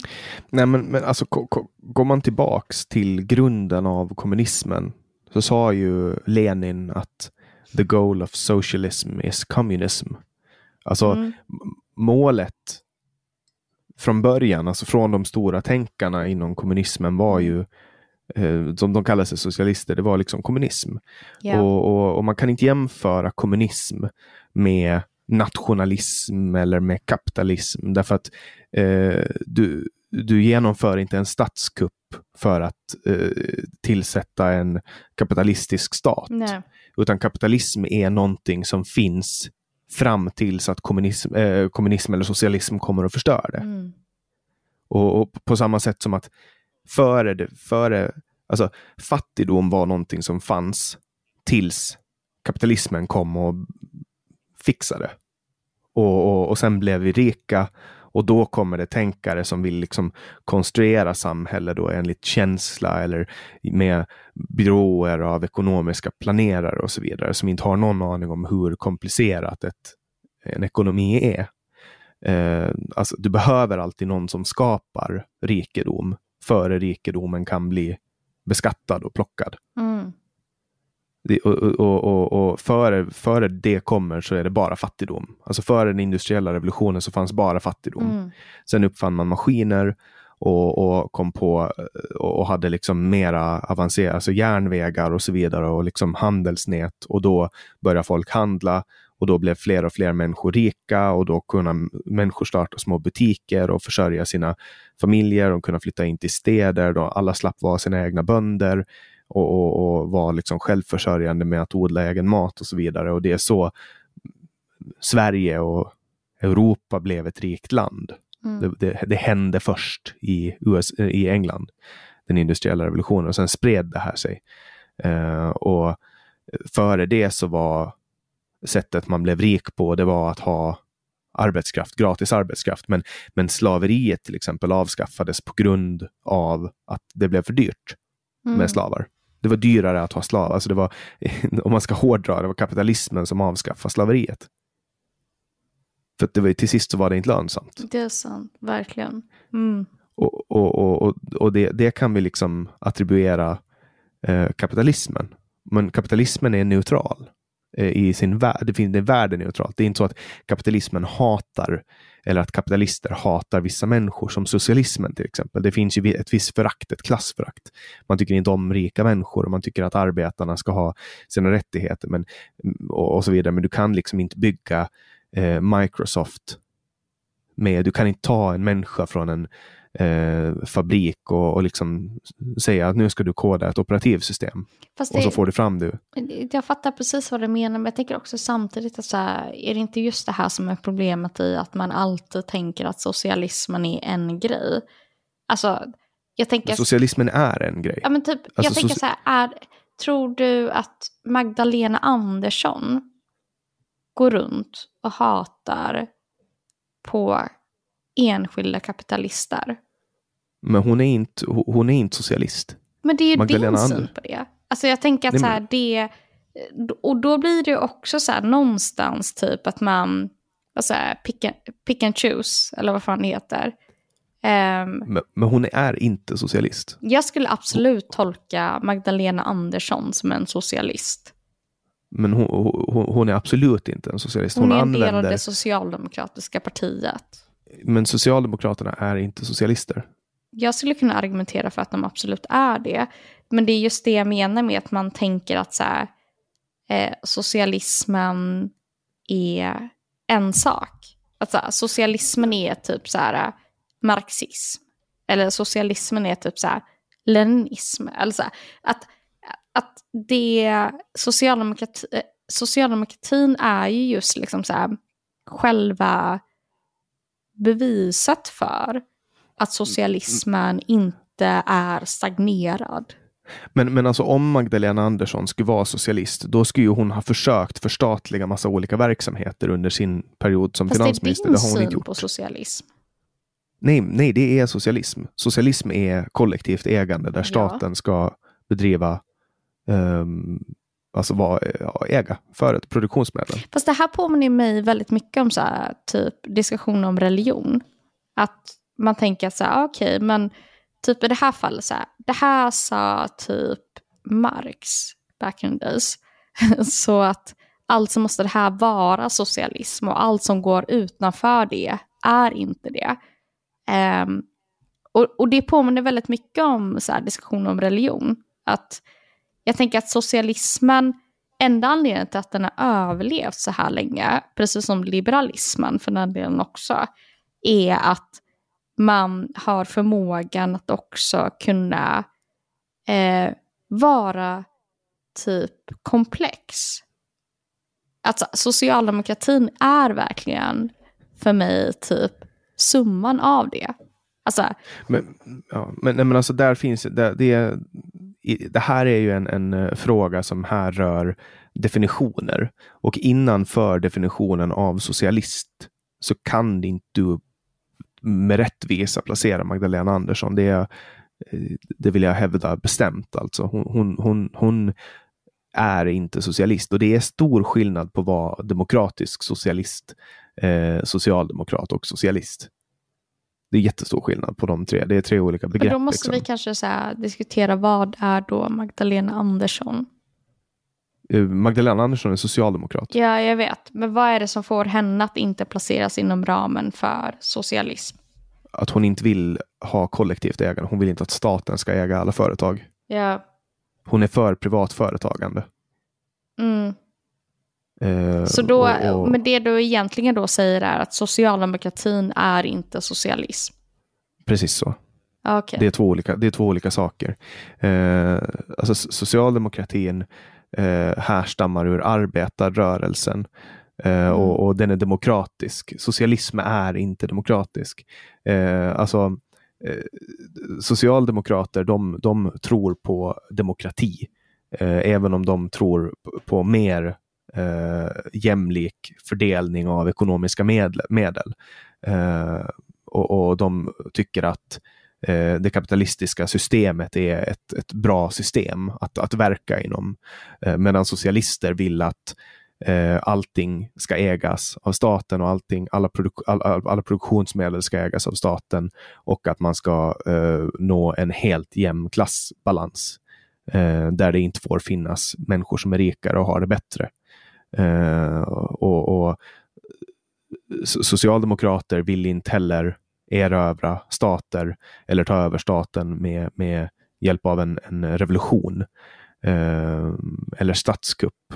Eh, socialister har eh, ofta en tendens att kunna tänka sig att, att ta över en stat med olagliga medel eh, för att det är det bästa för kollektivet Alltså, och så vidare jag förstår verkligen vad du säger, men det känns lite som typ... Um, alltså återigen som så här, typ folk läser religion. Att så här, ja, men jag läser Koranen och jag läser allting bokstavligt. Och alltså måste det här vara islam. Um, ungefär det känner jag att du eh, ehm, har för syn kopplat till så här, typ socialism. Men socia socialism är en planekonomisk ideologi. Man tror på planekonomi inom eh, Ish, skulle socialismen. jag säga. Jag skulle inte sagt att man tror på planekonomi, men jag förstår vad du menar. Den ekonomiska, det ekonomiska benet i ett eh, socialistiskt samhälle är planekonomi. Det är planerad ekonomi. Medan, medan det eh, ekonomiska benet inom det socialdemokratiska sättet att lösa samhälle, det är blandekonomi. Mm. Och, och där är det alltså, det mesta är, absolut, absolut största delen är, är fri marknad medan typ monopol i form av um, för, förr i tiden apoteksmonopol men nu typ Systembolaget. Mm. Gud, vi har inte ens hunnit diskutera gårdsförsäljning.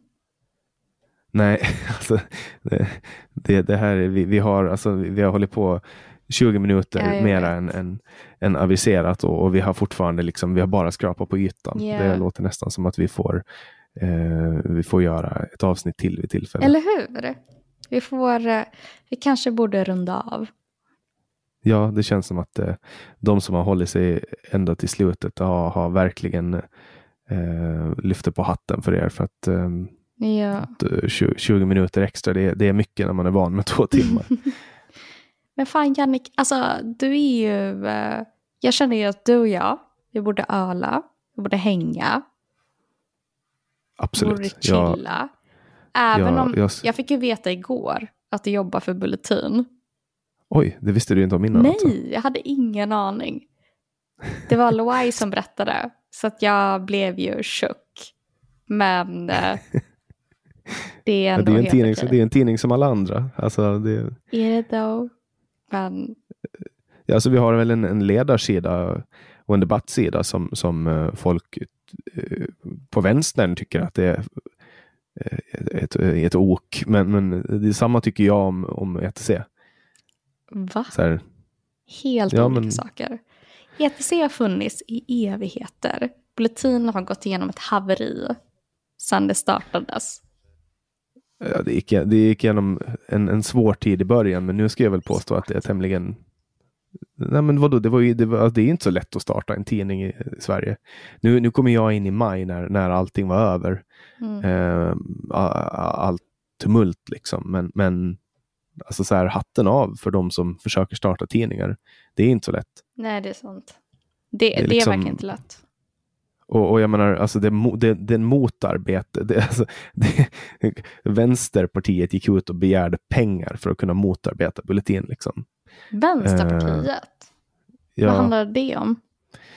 Ja, men det var typ så här att Sverige behöver inte en till alternativmedia och så vidare. Man dömde ut Bulletin som alternativmedia. Men gå in och kolla på, gå in och kolla på nyheterna och dare tell me att det är dålig journalistik. Det är inte dålig journalistik. Det är objektiv, ärlig journalistik. Men gick och sen Vänsterpartiet det... ut och sa att man inte ville att ja. Bulletin skulle existera? Alltså man, man gjorde, man typ kopierade vår eh, kampanj som var typ eh, Sverige behöver en ny tidning typ. Eh, och så kunde man stödja Bulletin och då gjorde Vänsterpartiet, jag kommer inte ihåg exakt hur det var, hur de formulerade sig, men det var liksom, de gick ut i protest mot Bulletin liksom. Mm. Att Sverige behöver inte en till borgerlig blaska. Ah, okay, okay. Ja, men då är det. Ah. Och det är så här, man kan tycka vad man vill om åsikterna som kommer från ledar eller debattsidorna, men, men journalistiken är liksom, det är journalistik som journalistik. Ja, Ja, men jag tänker att vi kan eh, avsluta det ungefär som vi började. Att uh, det sämsta som har hänt Bulletin, det är trots allt Loai Ahmed. Det sämsta? Ja. Han är det På absolut vilket... sämsta. Han... Hur menar du? Nej, men han, är, han är så störande. För ja, att han är så, så gullig. ja, jag, jag tycker att Loai är en riktigt eh, hygglig kille och jag är glad att jag kom i kontakt med honom. Jag hade en helt annan bild av honom innan och jag har en helt annan nu. Ja, yeah. han är världens bästa, verkligen. Alltså ni har ju flera på Bulletin som jag även så. Ni har ju Per Brinkemo. Ja. Jag dör för Per, alltså verkligen. Per är ju en av mina favoritpersoner. Så att ni, eh, ni har ju lyckats på något sjukt sätt samla väldigt bra människor från högen. Shit vad mycket kärlek det kommer från vänstern. Så här mycket kärlek har nog Bulletin aldrig fått från vänstern förut. Jag tror inte att jag Men, ska se tagit... som en del av typ att jag är vänstern. Alltså, Har du tagit MDMA eller vad är grejen? Uh, så varför är det så kärleksfull? Men det här är ju, alltså Per och jag, vi går ju lite way back. Vi, uh, vi tjafsade 2014 över hans eh, bok Mellan stat och klan. Eh, och sen så har vi typ pratat, vi, vi hängde ihop eh, i England. Det här var typ 2000, kan det ha varit, 17, 18. Och eh, då hängde jag med Per, Mustafa Panshiri hängde också med då. Sofie Löfvenmark. Han är också på Bulletin. Ja, men det, det är helt sjukt. Ja. Han skriver också för oss. Är det sant? Ja. Alltså vad har ni gjort då? Det, är samlat, det kanske är det som är det, det värsta med Bulletin. Att ni har samlat mina favorithögre personer. det är Tino, det är Tino Sanandaji som är en riktig superrekryterare. men han verkar inte vara, alltså han är ju långt ifrån en av mina favorithöga personer. det, är han som, det, är han som har, det är han som har piskat ihop den här uh, glada massan. Men han verkar vara så irriterande. På riktigt. Eh, jag tycker att Tino är, jag, ty, jag tycker att han är, han är, han är en av mina favoriter inom högen. Va? Okay. Ja, men det, var, det började med att jag poddade med honom. Mm. Lyssna på den podden. Alltså, jag hade, kanske borde göra det. jag, jag, kan, jag kan garantera dig att det finns ingen människa i Sverige som du kan plocka upp uh, och stoppa in i ett sammanhang som Tino. Och så börjar han en tråd och så håller han den Eh, och så kommer man in på ett sidospår och så plockar han upp exakt, alltså typ tio minuter senare kan han plocka upp exakt på ordet där han slutar yeah. och fortsätta meningen. Så han är Asperger helt enkelt? Han är smart så in i helvete. han är en av de smartaste människorna jag har träffat. Oh, wow. Ja, men jag borde, jag har verkligen ingen koll på Tino, men jag kanske borde, alltså jag är verkligen en sån här person som, um, jag kommer inte um, typ ha en särskild bild av en särskild person. Typ. Det, jag är alltid öppen för att omvärdera bilder. Jag är inte, jag är inte öppen för att så här, omvärdera typ vad jag tycker i grunden. Eh, och då är det väldigt basic shit som jag tycker i grunden. Typ rasism är dåligt, feminism är bra och så vidare. Men eh, jag är alltid för att omvärdera min syn på enskilda människor. Mm. Jag, jag, jag, kan sammanfatta de två meningarna med man ska vara snäll. Man ska vara snäll, det tycker jag verkligen. Ska vi avsluta nu? Fan, vi har kört skitlänge. ja. ja Hur ska vi, vi klippa vi det här, Jannik? Nej, men vi klipper, vi klipper ingenting. Vi bara kör ut det. Okay. Vi bara skickar ut det, rakt ut i etern. Men tack för att jag fick vara med verkligen. Jättestort tack för att du var med Bilan. Och till dig som har lyssnat så vill jag tacka för att du vecka efter vecka återkommer och lyssnar på den här podden och delar den här podden och berättar för dina vänner om den här podden. Jag vill också tacka dig som går in på www.samtal.ax och önskar gäster. Det är jättekul att se vem du önskar och jag får in jättemånga önskemål och det gör att det blir lättare för mig att förstå vad det du vill höra. Och du får också jättegärna höra av dig till mig på något av de många olika sätten att kontakta mig. Jag släpper nya samtal alla onsdagar året runt och släpper samtal en vecka före för dig som är plusprenumerant på Bulletin. Om du inte är plusprenumerant på Bulletin så rekommenderar jag att du blir det. Då får du alltså höra alla Bulletins poddar och några av dem sju dagar före alla andra. Jag heter Jannik Svensson och du har lyssnat på podcasten Samtal.